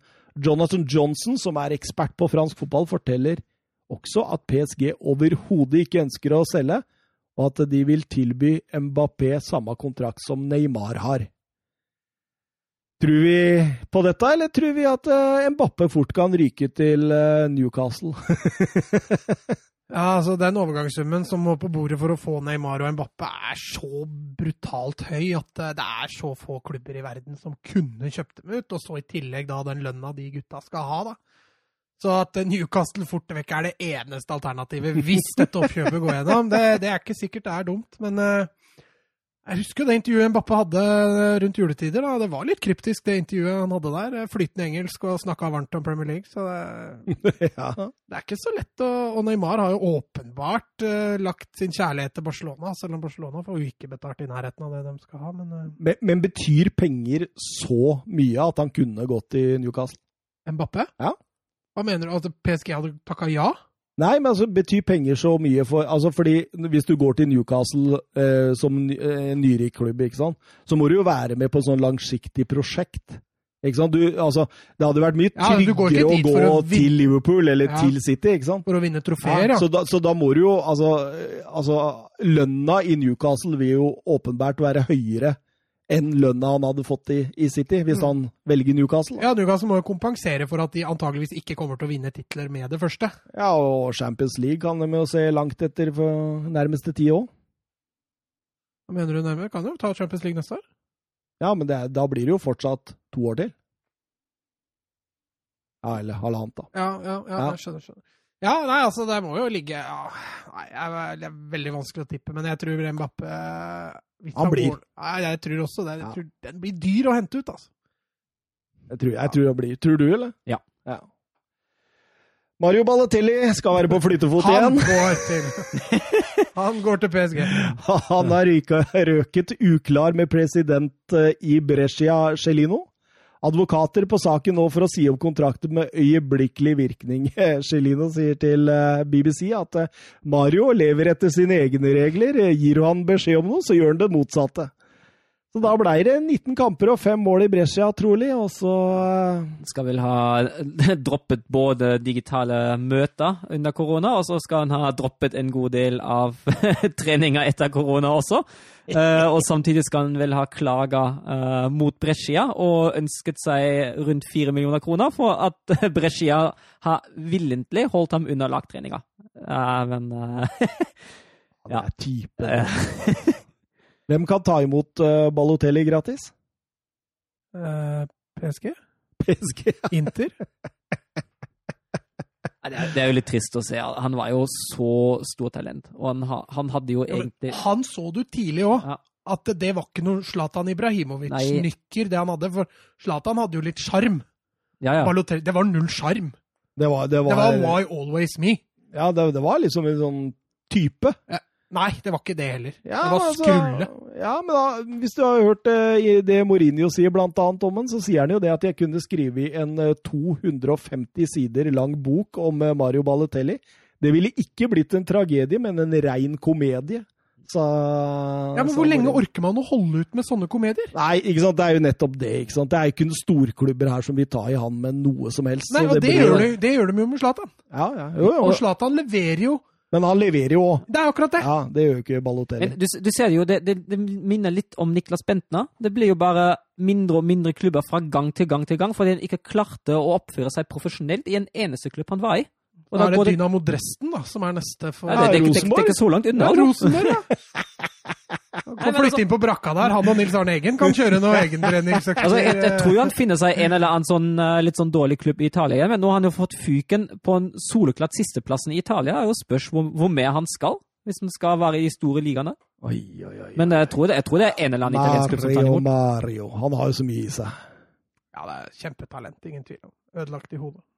Pep Guardiola er i ferd med å ansette Juan Manuel Lillo som eh, sin assistent etter Michael Arteta tok jobben. Lillo eh, var Peps mentor og hans taktiske rådgiver i starten av Peps Guardiolas karriere. Eh, rapportene tyder på at Vincent Company var førstevalget, men Company ville fortsette sin rolle i Anderlecht, og det meste tyder på nå at det blir den 54 år gamle spanjolen som blir eh, Guardiolas høyrehånd. eh. Da, hvis dette skjer, noe som det virker som er veldig, veldig close Han er til og med altså Wikipedia-sidene så står det at han er assistentleder i, i eh, Manchester City. Da kan vi bare stoppe alle spekulasjoner om at Guardiola stikker uansett.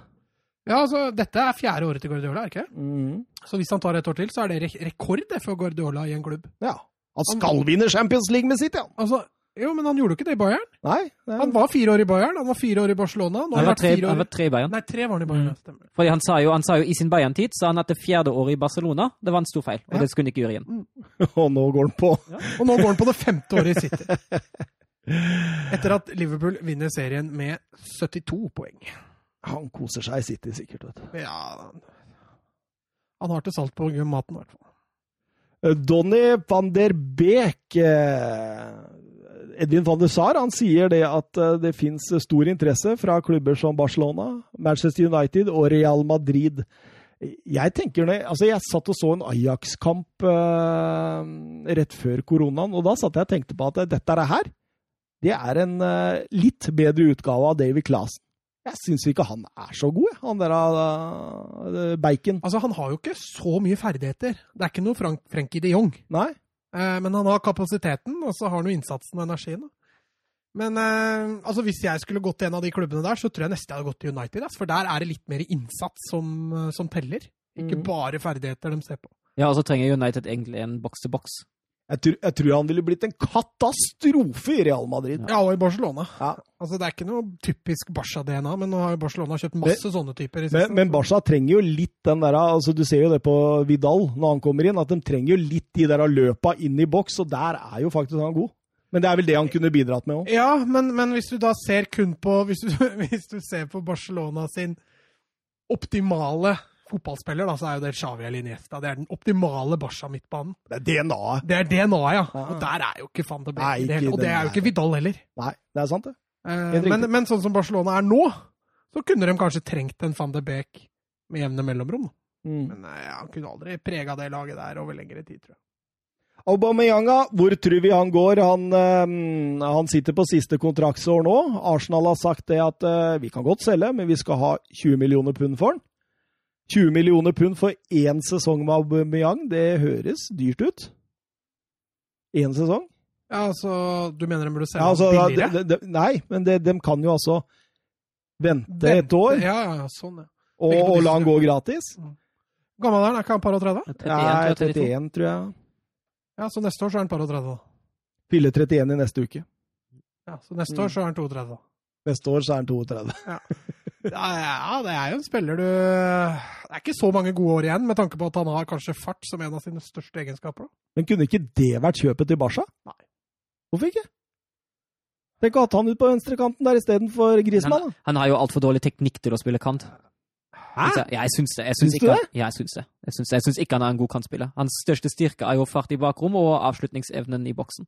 Jeg syns han er bra, jeg, ut på venstrekanten der når han får lov å, Ja, Når han går på skudd, ja, så er jeg enig med deg. Når han får Men drive innover. når han skal trekke på seg oppmerksomhet og være kreativ, så Ja, det er jo- det det er klart. ikke. Jeg, jeg, ja, jeg er helt enig, Mats. Og det, jeg, jeg tror, altså Hvis Barca henter han, så er jeg enig. Jeg tror det bør være som midtspiss. Altså. Ja, men jeg tenker i forhold til hvis de Altså, nå henta de jo Braithwaite for uh, samme summen, liksom. Ja, ja, ja. Mm, ja, men det er jeg helt enig i. uh, men Braithwaite ble henta i februar, og da var ikke overgangsvinduet åpent. Kai Havertz, søren. eh, Det ser jo Altså, nå spekuleres det noe så inn i granskauen mye her. Det kommer jo nesten nye rykter hver dag. Det er jo helt sykt. Ja, altså nye klubber. Ja, ja. Det, Senest i dag så meldte de at Chelsea eh, hadde et monsterbud på han. Eh, Tidligere har det vært Manchester United.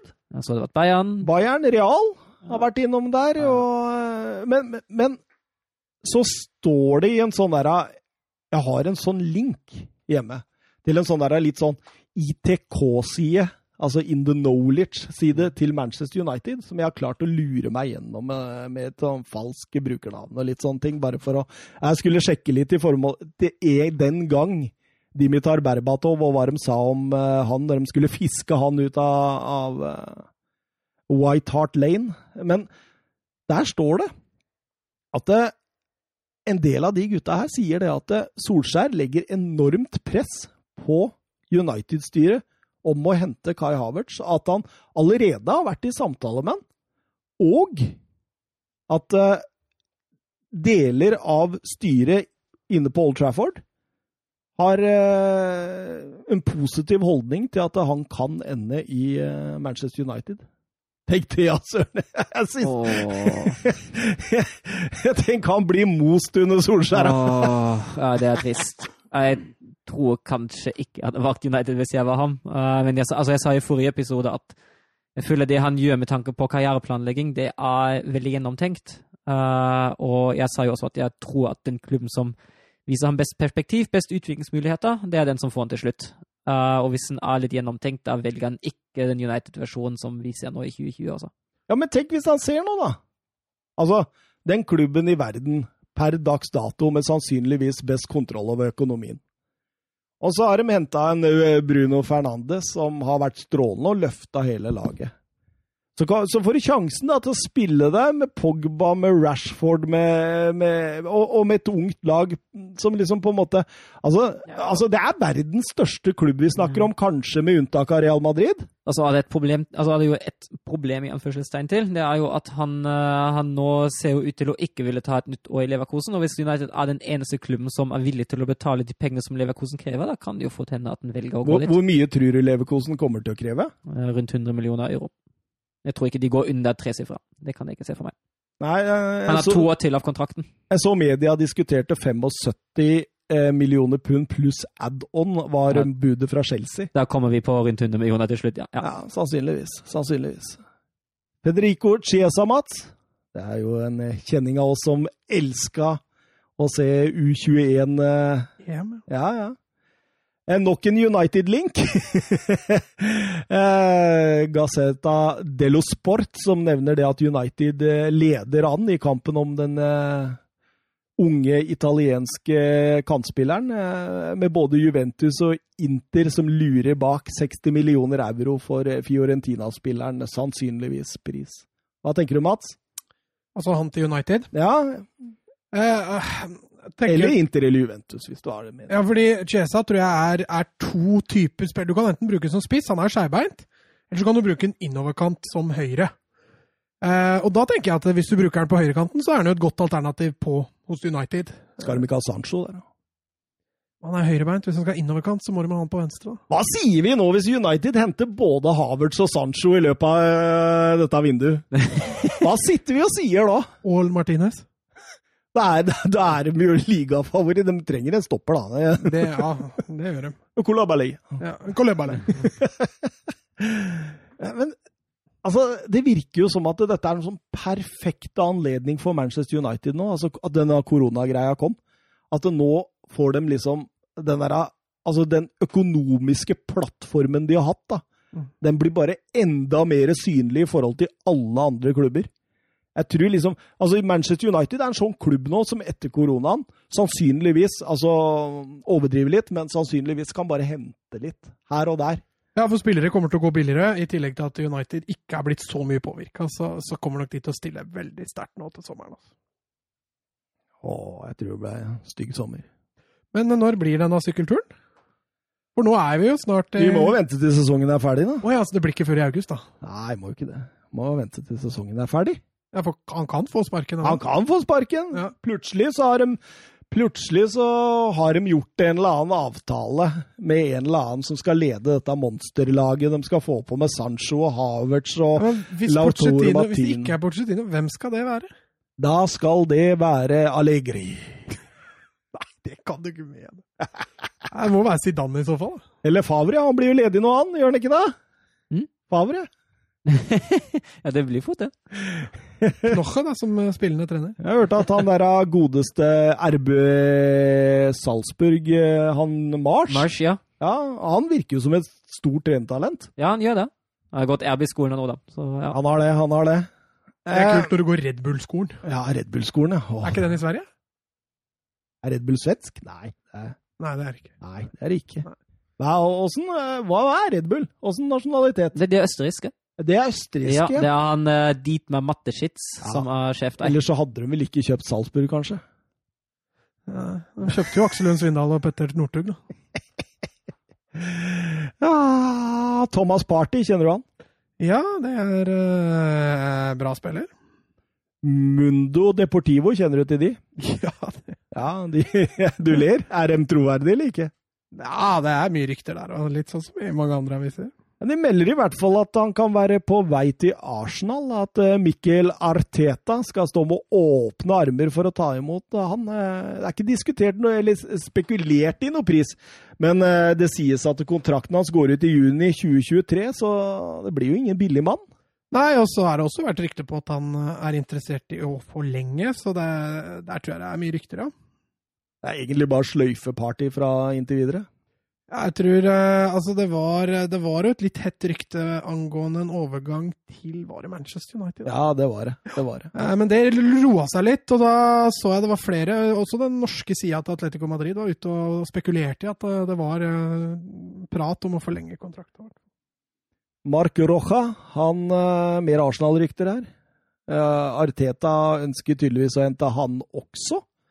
Eh, Transfermark hadde han helt ned i 16 millioner euro, Mats.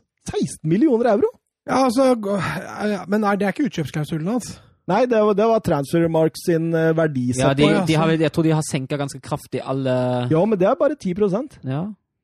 Fordi altså, Dette er en spiller i Español, hvor Español ligger på nedrykk i La Liga, og, og en spiller som kanskje ikke har hatt en så strålende sesong da, som man trodde han skulle få etter U21-EM. Kanskje er litt der, men at potensialet til Rocca er, er stort, det, det er det ingen tvil om. altså. Ja. Så hvis du får kjøpt han til 16, så kan Det er overkjøp i så fall, at det er en veldig god deal. Ja, ja. Ederson Cavani har sagt at han uh, har bestemt seg for Atletico Madrid. Ja, det, det ryktet har vært siden januar. ja. Men, det- men det virker jo som det blir der. Ja, altså, jeg, jeg tror faktisk de var enige om kontrakten allerede i januar, ja. Eh, men da stranda jo overgangen, i og med at PSG ville ha litt penger for den. Eh, nå er den jo up for grabs, og eh, hvis det da ikke har vært noen andre interessenter som har tatt kontakt, så, så tror jeg nok Atletico er et uh, naturlig valg. Kristoffer Ayer Søren han vraka agenten sin til fordel for uh, agentselskapet SEG. Ja, lukter overgang der òg. Det gjør det. Fire sesonger i Celtic, 22 år er han. Eh, lukter det litt Lester og Brendan Rogers her, eller? Det kan fort bli det. De kjenner jo hverandre fra før, fra Celtic-tida. Han var også sterkt rykta, eller sterkt, han var også rykta til Atletico Madrid Ja, og Real Madrid. og Real Madrid. Men uh, det sa vi vel i forrige episode at det tror vi ikke noe på. Men hadde det blitt Real Madrid, åh, Tenk om moroa. Ja. Tenk om moroa. Ah, det hadde vært eh, helt konge. Men han er en bra fotballspiller, da. Det, det skal fotballspiller. virkelig sies. Uh, For meg som Celtic-sympatisør blir det trist. Ja, at han drar. liker du Celtic? Jeg liker Celtic, jeg. jeg. liker Er det av fansen, eller av På grunn av uh, altså, Klubbfargen appellerer jo til meg, det må jeg jo si. Og så liker, liker jeg, hele, jeg liker hele kulturen rundt klubben. Jeg syns det er helt konge. Jeg, jeg husker jeg var Liker Betis òg? Ja. Nja. Betis er kul da. Betis er kul. Jeg husker jeg sympatiserte med Rangers. Ja, du gjorde det? Ja, det, det datta litt da, når de uh... Ally McCoyst? Ja, Ja. også han stopperen. Han uh... Tom Boyd? Nei, det var, det var Celtic, det, kanskje. Mm, ja, tror det. før Hva var litt, sånn, litt langåra Amoroso? Å, du tenker på han, ja? Ja, det, vi snakker litt tilbake i tid der, altså. altså det er Tore André Flo-tida, liksom. Amoroso. Uh, var Darren Peacock der, da? Åh. Jim, Jim Layton. Nei, eh, siste rykte for dagen, gutta. Og siste rykte for dagen, det må jo gå til mitt kjære Tottenham Hotspur. Ja, jeg satt og lurte på når den Tottenham, ja, eh, må, kom. Må, må jo komme igjen der òg. Og det er jo eh, eh, et eller annet eh, Franke Le Toi Spå? Er det fransk? som eh, hevder at de sitter på sikre kilder om at eh, Ruben Neves topper José Mourinhos ønskeliste kommende vindu. Eh, videre hevder de at Neves også ønsker å spille for Tottenham og har gitt Wolverhampton beskjed om dette. Det er vel heller noe, ikke noe ulempe at eh, agenten hans eh, er Jorge Mendes. Mendes, som er en god kompis av Mourinho. Er ikke, er ikke agenten til Mourinho? det er det vel også, ja. Stemmer det? Ja, det der høres ut som uh, troverdighet i mine øyne, altså. Jeg tror du hadde blitt kjempeglad, i hvert fall, hvis Ja, du hadde fått. Neves inn der. Det er klart, uh, Hvis det er én posisjon på banen hvor Tottenham allerede er godt besatt, Ja, ja. så er det jo sentralt. ja, ja absolutt. Men så det er klart det vil jo bli veldig mye gode sentrale fotballspillere i Tottenham hvis Neves også skulle komme, men uh, jeg veit jo at du har din kjærlighet til Neves, så det er jo en strålende playmaker. Åh, det hadde vært deilig, Søren. Det hadde vært veldig gøy. Nå er det faktisk tid for noen av de vanskeligste valga vi noen gang har tatt når vi kommer til dette med all-star-lag og sette sammen elleve og sånt. Fordi dette var et puslespill ut av dimensjoner, Mats. Jeg, altså det er først når du ser det på et sånt ark, du skjønner hvor mange store, store, store stjerner som har tråkka i La Liga. Ja, nå er det jo, som jeg sa sist, eh, veldig Barca Real Madrid-prega, men, men eh, det var også mange spillere som måtte vrakes som ikke har vært i Barcelona Real Madrid. Eh, men det ble tatt noen fryktelig vanskelige valg, og, og her føler jeg vi har to-tre Steven Gerrarder, altså. Minst. Minst. Du skal lede det for oss. Det ble Ja, vi jo enige om. Ja, altså keeperplassen eh, kan jo begynne der. Eh, Jeg kom i hvert fall ned til eh, tre valg i forhold til hvem jeg har lyst til å bruke der, i, i Iker Casillas, Valdez og Oblak. Hva tenker du, Søren? Jeg har med de tre. Eh, jeg har i tillegg også vurdert Ter Stegen og Canizares, som også har vært og Navas også kan jo nevnes, han var jo strålende. Ja, eh, det sto jo kanskje til slutt særlig mellom Casillas og Oblak, men jeg gikk for Iker Casillas. Hvis vi, hadde, hvis vi snakka nå om eh, Hvis jeg har snakka om fire-fem år igjen, og Oblak hadde spilt enda lenger i La Liga, da skal man ikke se bort ifra at det kanskje hadde blitt Oblak til slutt. Med tanke på, på merittlista, med tanke på hvor, hvor god og hvor lenge god uh, Casillas har vært, har jeg ikke hatt noe annet valg enn å ta Casillas der. Ja, nei, Jeg er helt enig med deg, jeg har samme resonnementet, men, men toppnivået til Oblak er nok litt høyere enn Casillas. Ja, jeg er enig i deg. Ja, jeg, jeg sier meg bare enig. Mm. Det er helt greit. Jeg, jeg må sies at jeg vurderte eh, Valdez eh, inni der òg ganske høyt. Altså kanskje høyere enn Oblak òg, men det er mest pga. meritter og kamper og, og det der. Eh, Ja, Valdez fikk vel noen Samora-titler. Eh, Det er klart Du kunne også tatt med De Gea og, og Courtois og sånn også, men, men er- for meg så blir det Casillas, altså. Det er da verdens beste keeper i 08, 09, 10, 11 og 12. Det er jo Spanias prime age. Da, da vant de jo to EM og et VM i den perioden der. Og, og en Casillas som, som storspilte. Men da er vi enige om Casillas. Det er vi. Høyrebekken, Thomas, det var vel det enkleste valget? Det var det. Jeg eh, fant eh, tre som jeg satt og grubla over, og så grubla jeg ikke så veldig lenge. Eh, kikka litt på Salgado. Jeg kikka litt på Juan Fran, men endte selvfølgelig opp med Dani Alves. Jeg vurderte litt å skyve Ramosen ut der. eh, På høyrebekken. Eh, Lekte til og med litt med å skyve Puyol ut der, siden han også har Ja. spilt litt på den høyrebekken. Men jeg, valget mitt, altså sånn det er nå Nå kan vi jo rullere og mikse litt underveis, men det blei Daniel Alves. Så er du enig? Ja, jeg er 100% enig. Ja, jeg, jeg hadde også faktisk Carvahall, jeg da. Litt for å irritere Thomas, og litt fordi han har vært bra. Eh, eh, men, men det er vanskelig å komme utenom Alves. Var strålende i Sevilla og fantastisk i Barcelona. Så Alves kommer vi nok ikke utenom. Venstrebekken, Søren, der var det litt mer trøbbel. Da var det litt mer trøbbel. Da var det jo eh, to Real Madrid og én Barcelona. En Så bra måten du sier Real Madrid på. altså. Har du hørt det? Det høres ut som han sier drit. Ja, det gjør det! Real Madrid. Å, det må jo være musikk i øra for deg. Kanskje det er innebakt for en Barca-sympatisør, men uh... Men sier dere det i Tyskland, eller? Madrid. Madrid? Madrid. Madrid? Madrid. Men det, det er en annen i Tyskland ja, i Norge. Så det er kanskje derfor. Ja, to Real Madrid og én Barca. Ja, det stemmer. Uh, to brasilianere i Real Madrid, eh, Roberto Carlos og Marcelo. Og så Barcelona hadde jeg utvalget Rodi Alba. Jeg endte til slutt, etter mye om og men eh, med meg sjøl, endte jeg opp på Marcelo. eh, og Roberto Carlos på en andreplass der. Ja, jeg hadde jo et par til i troppen. eh, Cap, eh, blant annet, som var, i, var strålende i Español. eh, Luis. Louis. Filipe Luis i Atletico Madrid. Så det var en pott. Men jeg, jeg også havna på de tre til slutt, Thomas. Ja, det gjorde jeg òg. Jeg havna på de tre, men jeg eh, valgte Roberto Carlos, og da er jo egentlig det opp til deg, da, Mats. Ja, nei, jeg har landa på Marcelo. Ja. Eh, den merittlista til Marcelo er faktisk enda lengre enn Roberto Carlos sin, og begge to har jo sine forser offensivt.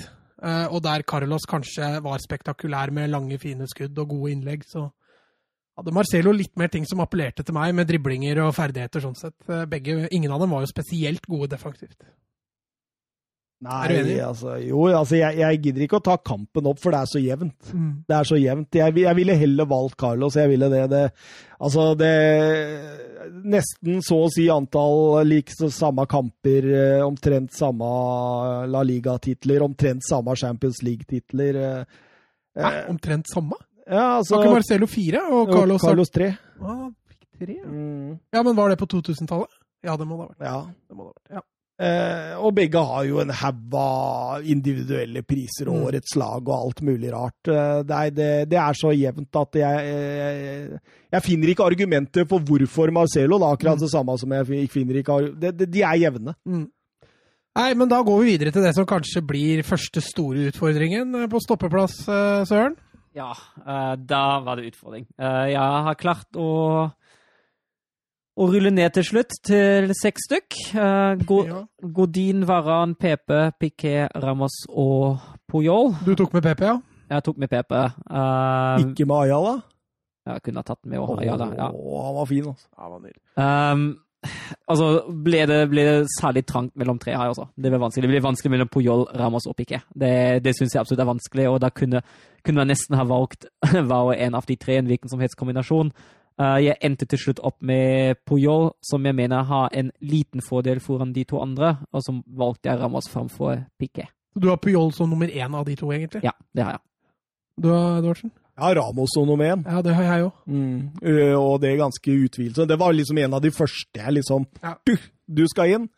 Og så sto det mellom uh, det samme som Søren, altså Barca-stopperen. Og jeg falt på Puyol fordi jeg rett og slett liker han bedre. En Piqué, det går, Ja, men det altså, går på smak. ja, men altså handler litt om Husker du ikke litt, sånn sportsmanshipen hans Ja. og sånn? Litt sånn Ja, det er ikke ligge nede og ha det vondt. Nei, eh, ikke sant? komme Kom deg opp og kjemp for Jeg laget. husker Piquet, eller den videoen ligger sikkert på YouTube, eh, at Piquet fikk en lighter i huet eller i skulderen, eller hvor det var. Han fikk kjempevondt. Og går liksom og sutrer til dommeren, og så kommer Puyol, bare tar lighteren, pælmer den ut av banen. Nå skjerper du deg, nå er det corner. Og det er derfor Ja, det blir ja. Puyol istedenfor Piquet. Eh, den er jeg for så vidt enig i. Puyol var raus, og den der redning Han har to sånne redning på streken-videoer, hvor keeperen er dribla, Mm. og så står Puyol på streken med henda på ryggen.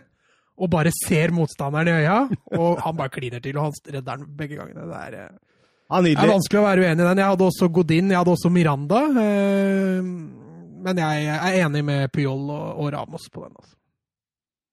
Deilig. deilig. Men nå blir det jo tøft. Ja, Nå blir det tøft, Nå og, blir det tøft. og, og, nå, og nå må vi mikse og trikse Ja, det litt, må vi nok. Det må vi nok. Ja, ja. Vi kan jo begynne med kantene. Vi skal begynne på høyresida. Søren. Ja, da, da, da begynte jo problemene. Uh, for det, altså, det som var problemet for meg, var at jeg, Ronaldo og Messi må jo med på det laget her. Og så spørs hvor setter du de? Hvor putter du ut folk? Hvor putter du inn folk? Eh, det handler jo litt om en kabal som må legge seg ut ifra hvem du har på sentral midtbane, hvem du har på spiss, hvem du har overalt, egentlig. Um, og så var det litt sånn at jeg kunne ha tatt med Naima, jeg kunne ha tatt med Jesus Navas. Eh, jeg vurderte veldig sterkt å ta med Luis Figo. Eh, men han har faktisk bare fem år i det aktuelle tidsrommet vi har nå. Mm. Han spilte jo bare fra altså han spilte jo fra 95 til 2005 eh, for Barca og Real, men og, altså, det er jo bare fem år som gjelder her. Mm.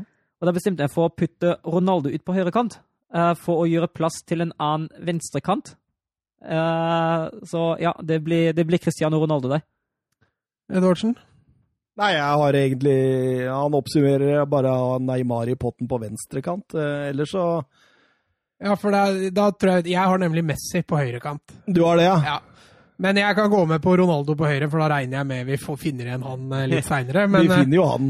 ja, så vi kan godt kjøre Ronaldo da på den høyrekanten, men da er jeg jækla Jeg spent på den. vurderte Joaquin, da. Ja, jeg også hadde Joaquin med i troppen. Jeg hadde til og med Beckham ja, med, med der. Figo var jo med, Jesus Navas, uh, Joaquin eh, Så det var, var mange å velge mellom. Eh, men da er jeg spent, Edvardsen. Hvem har du på venstre? På venstre har jeg Ronaldinho. Jeg vurderte Neymar, jeg møter Grismann. Jeg vurderte disse, jeg endte opp på Ronaldinho. Ja, jeg vurderte jo Zidane, jeg, da, som ut venstre. Eh, det er som også Søren nevner, han har vel bare seks år i Ja, Real Madrid, så han har vel ett år mer enn Figo. Eh, Men så har Ronaldinho bare fem år i Barcelona tror jeg. Ja, det kan godt stemme. Eh, han kom vel Ja, det stemmer nok. Vi kan vel. ikke ha et sånt lag uten Ronaldinho. Er helt, Det det, ja, Ja, det var skal, det skal vi droppe Zidane, da? Nei, men vi, vi får kjøre den inn sentralt i sånn.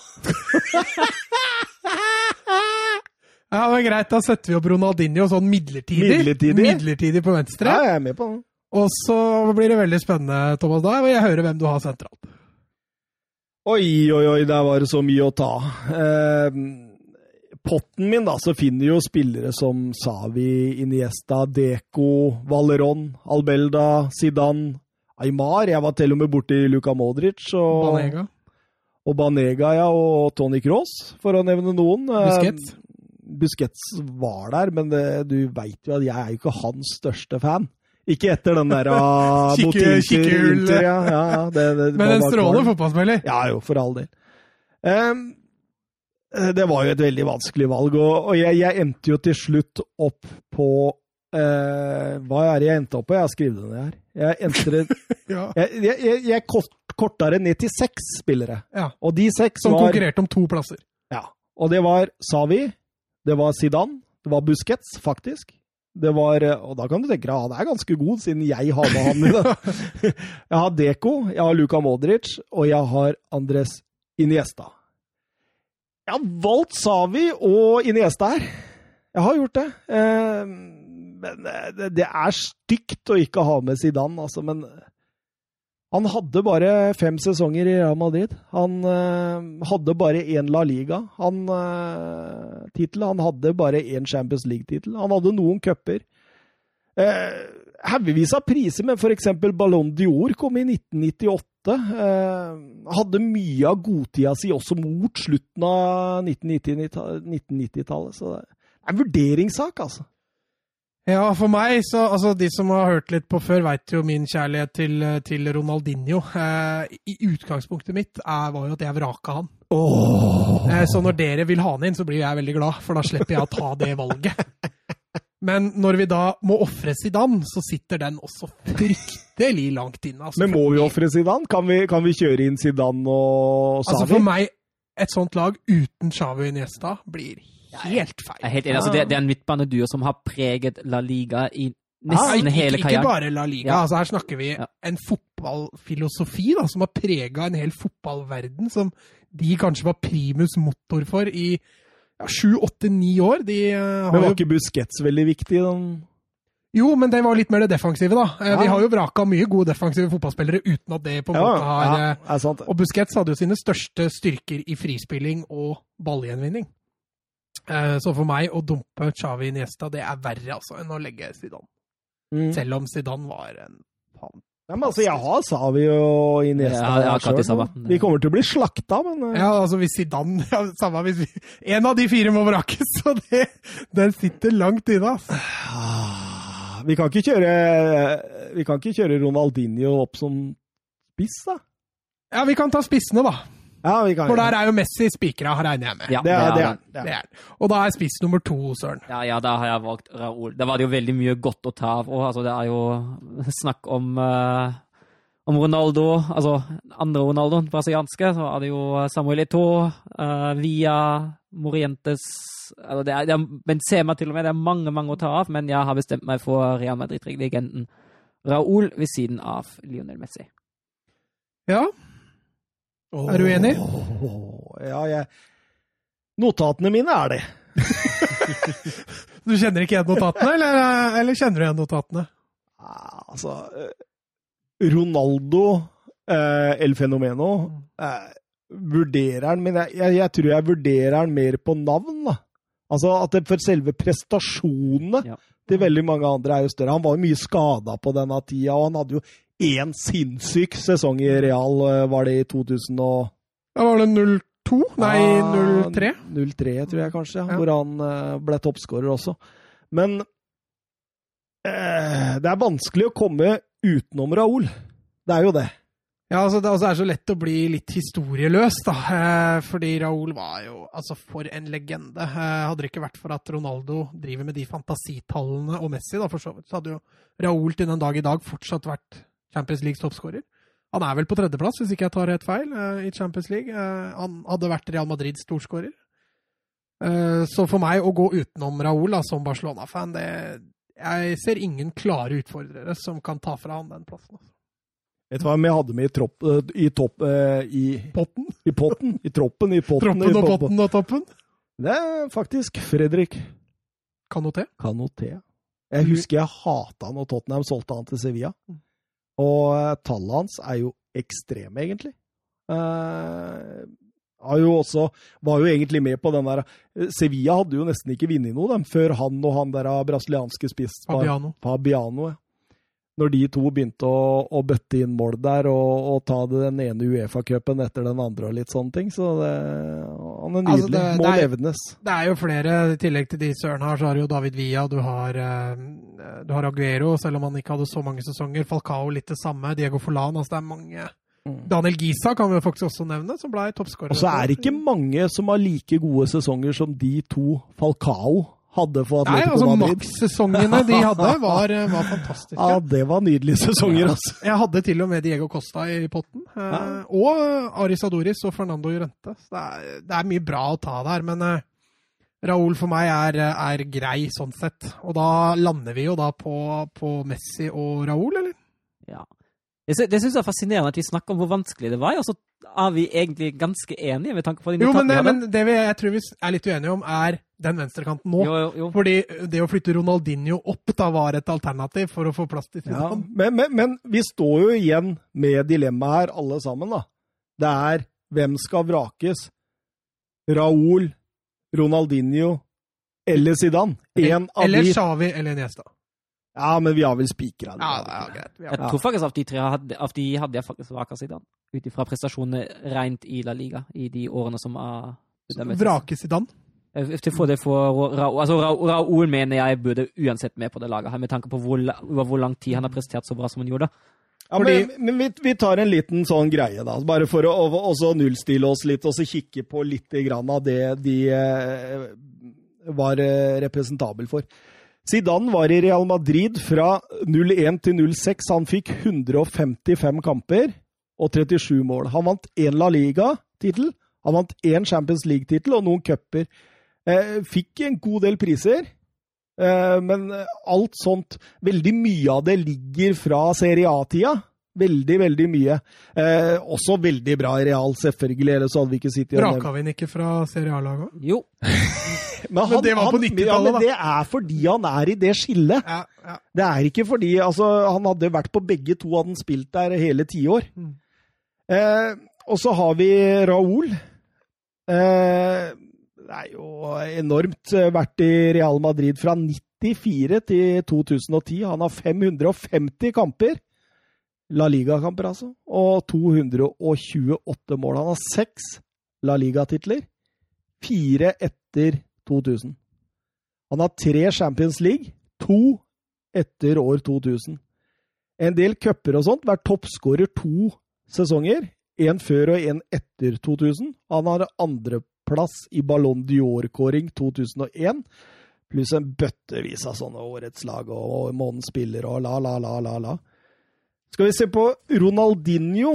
Eh, må bare finne det jeg har notert om denne nydelige spilleren. Så spilte han i Barcelona fra 03 til 08. Han fikk 145 La Liga-kamper og hele 70 mål. Han har to La Liga-titler, én Champions League-tittel og et par eh, sånne nydelige cuper. Ballon d'Or i 05. Og ellers er jo lista kilometer lang om hva sånne priser og Men, men og siste året etter Ronaldinho, altså toppåret til Ronaldinho var jo 05. Ja. Etter det gikk det jo nedover med Ronaldinho. Og siste året til Ronaldinho var jo mer festing enn fotball. det var det, men så var jo Zidane var jo ikke konstant god hele tida. Han var jo gjerne god mot slutten av en sesong. Han Ja. startet jo ganske tungt som regel. Det er mer sexy med Ronaldinho enn Zidane og Raúl, syns jeg. Jeg er enig. Men, men, men OK. Nå må Ja vi da, men jeg, jeg legger meg på det. vi, ja, Altså. men sk- vi spikrer én av dem først. Og så tar vi 50-50 etterpå.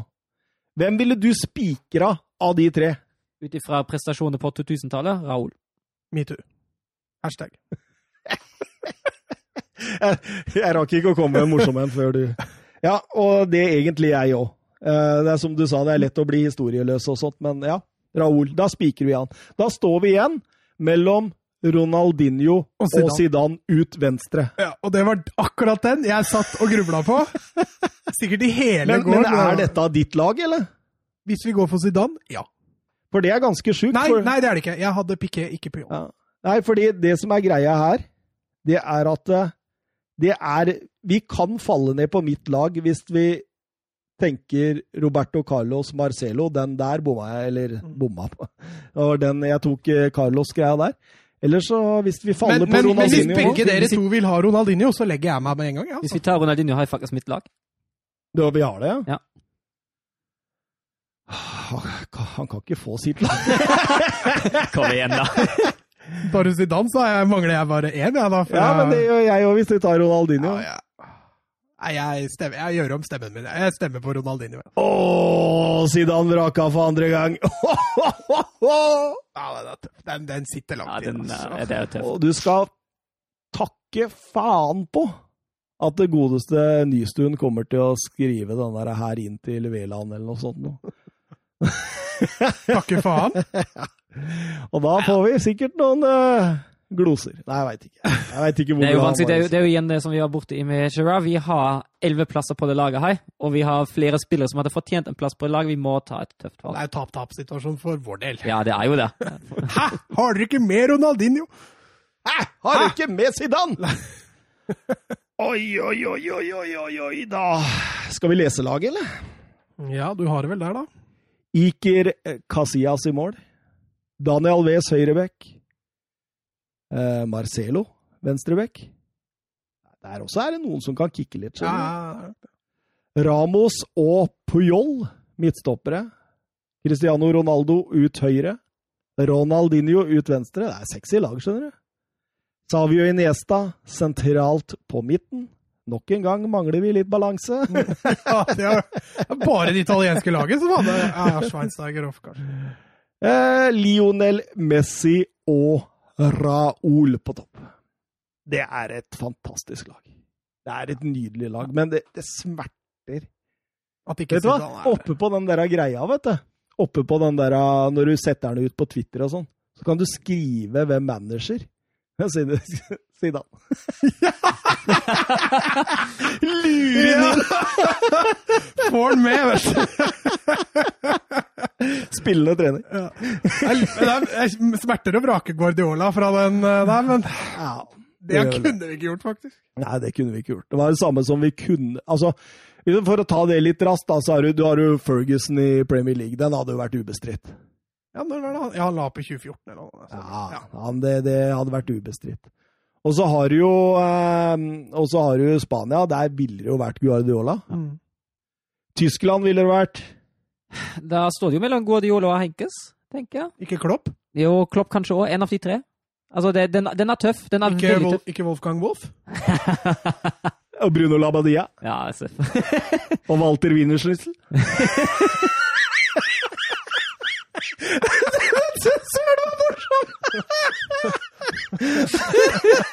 Walter Wienerschnitzel. Hvem var det han trente igjen? Eller? Det var uh, Wienerschnitzel FC, det. Eller 04, som den heter i Tyskland. Nei, det, den, eh, den måtte jeg faktisk tenke litt på hvem jeg hadde valgt av de tre også i Tyskland. Den er tøff, den der. Hvem hadde du tatt i Italia? Conte? Nei, Allegri. Conte tok jo Juventus tilbake igjen, Ja, han gjorde og det. på toppen, Ja, han gjorde det og holdt dem der. Ja, han gjorde kanskje det. Hvor lenge var han i Juventus, da? Ja, altså, han var der i fire-fem sesonger, vel? Ja. Ja, Ancelotti, kanskje? da. ja. Det er vanskelig mye vanlig. Ja, for AC Milan-perioden Ja. til Angelotti. Men den kom vel på 90-tallet, gjorde den ikke det? Nei, 2000. Ja. Du hadde den jo på 2007. Du nevnte jo Ancelotti var trener for det Ja, jeg gjorde det. Ja. Ja, stemmer det. Jeg gjorde det. i quizen din. Å ja, å ja. Det er ikke alltid jeg lærer av den quizen, skjønner du. Nei, Han hadde dem vel både i, i finalen i 05, når de røk mot Liverpool, og i 07, når de vant mot Liverpool. Gutta, gutta! Én time og 57 minutter. Åh, deilig. Tre ganger under to timer, Mats. Det er bare den eh, Premier League-korona-episoden som har eh, som har vart lenger enn to timer. Så vi er, vi er en Som har flow. vart lenger. Ja, enn to timer.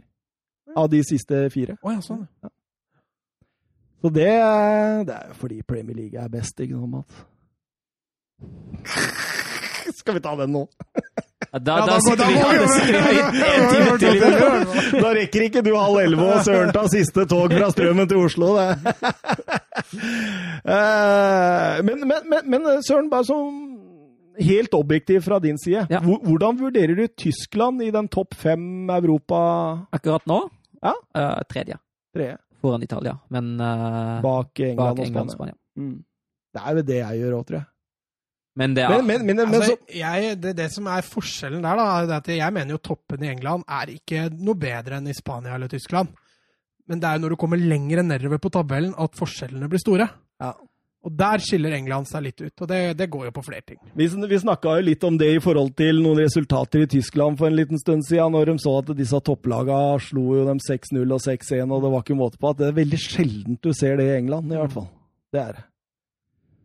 Men det er eh, en lang diskusjon, og det er mange gode argumenter i alle retninger, så den gidder ikke vi å ta. Vi konsentrerer oss heller om å bli ferdig før to timer har gått. det er viktigere, det. Så da kan vi egentlig bare si uh, adjø. Adjø. Adjø. Si meg, hva betyr adjø? Det betyr gå med Gud. Takk. Det var siste ordet.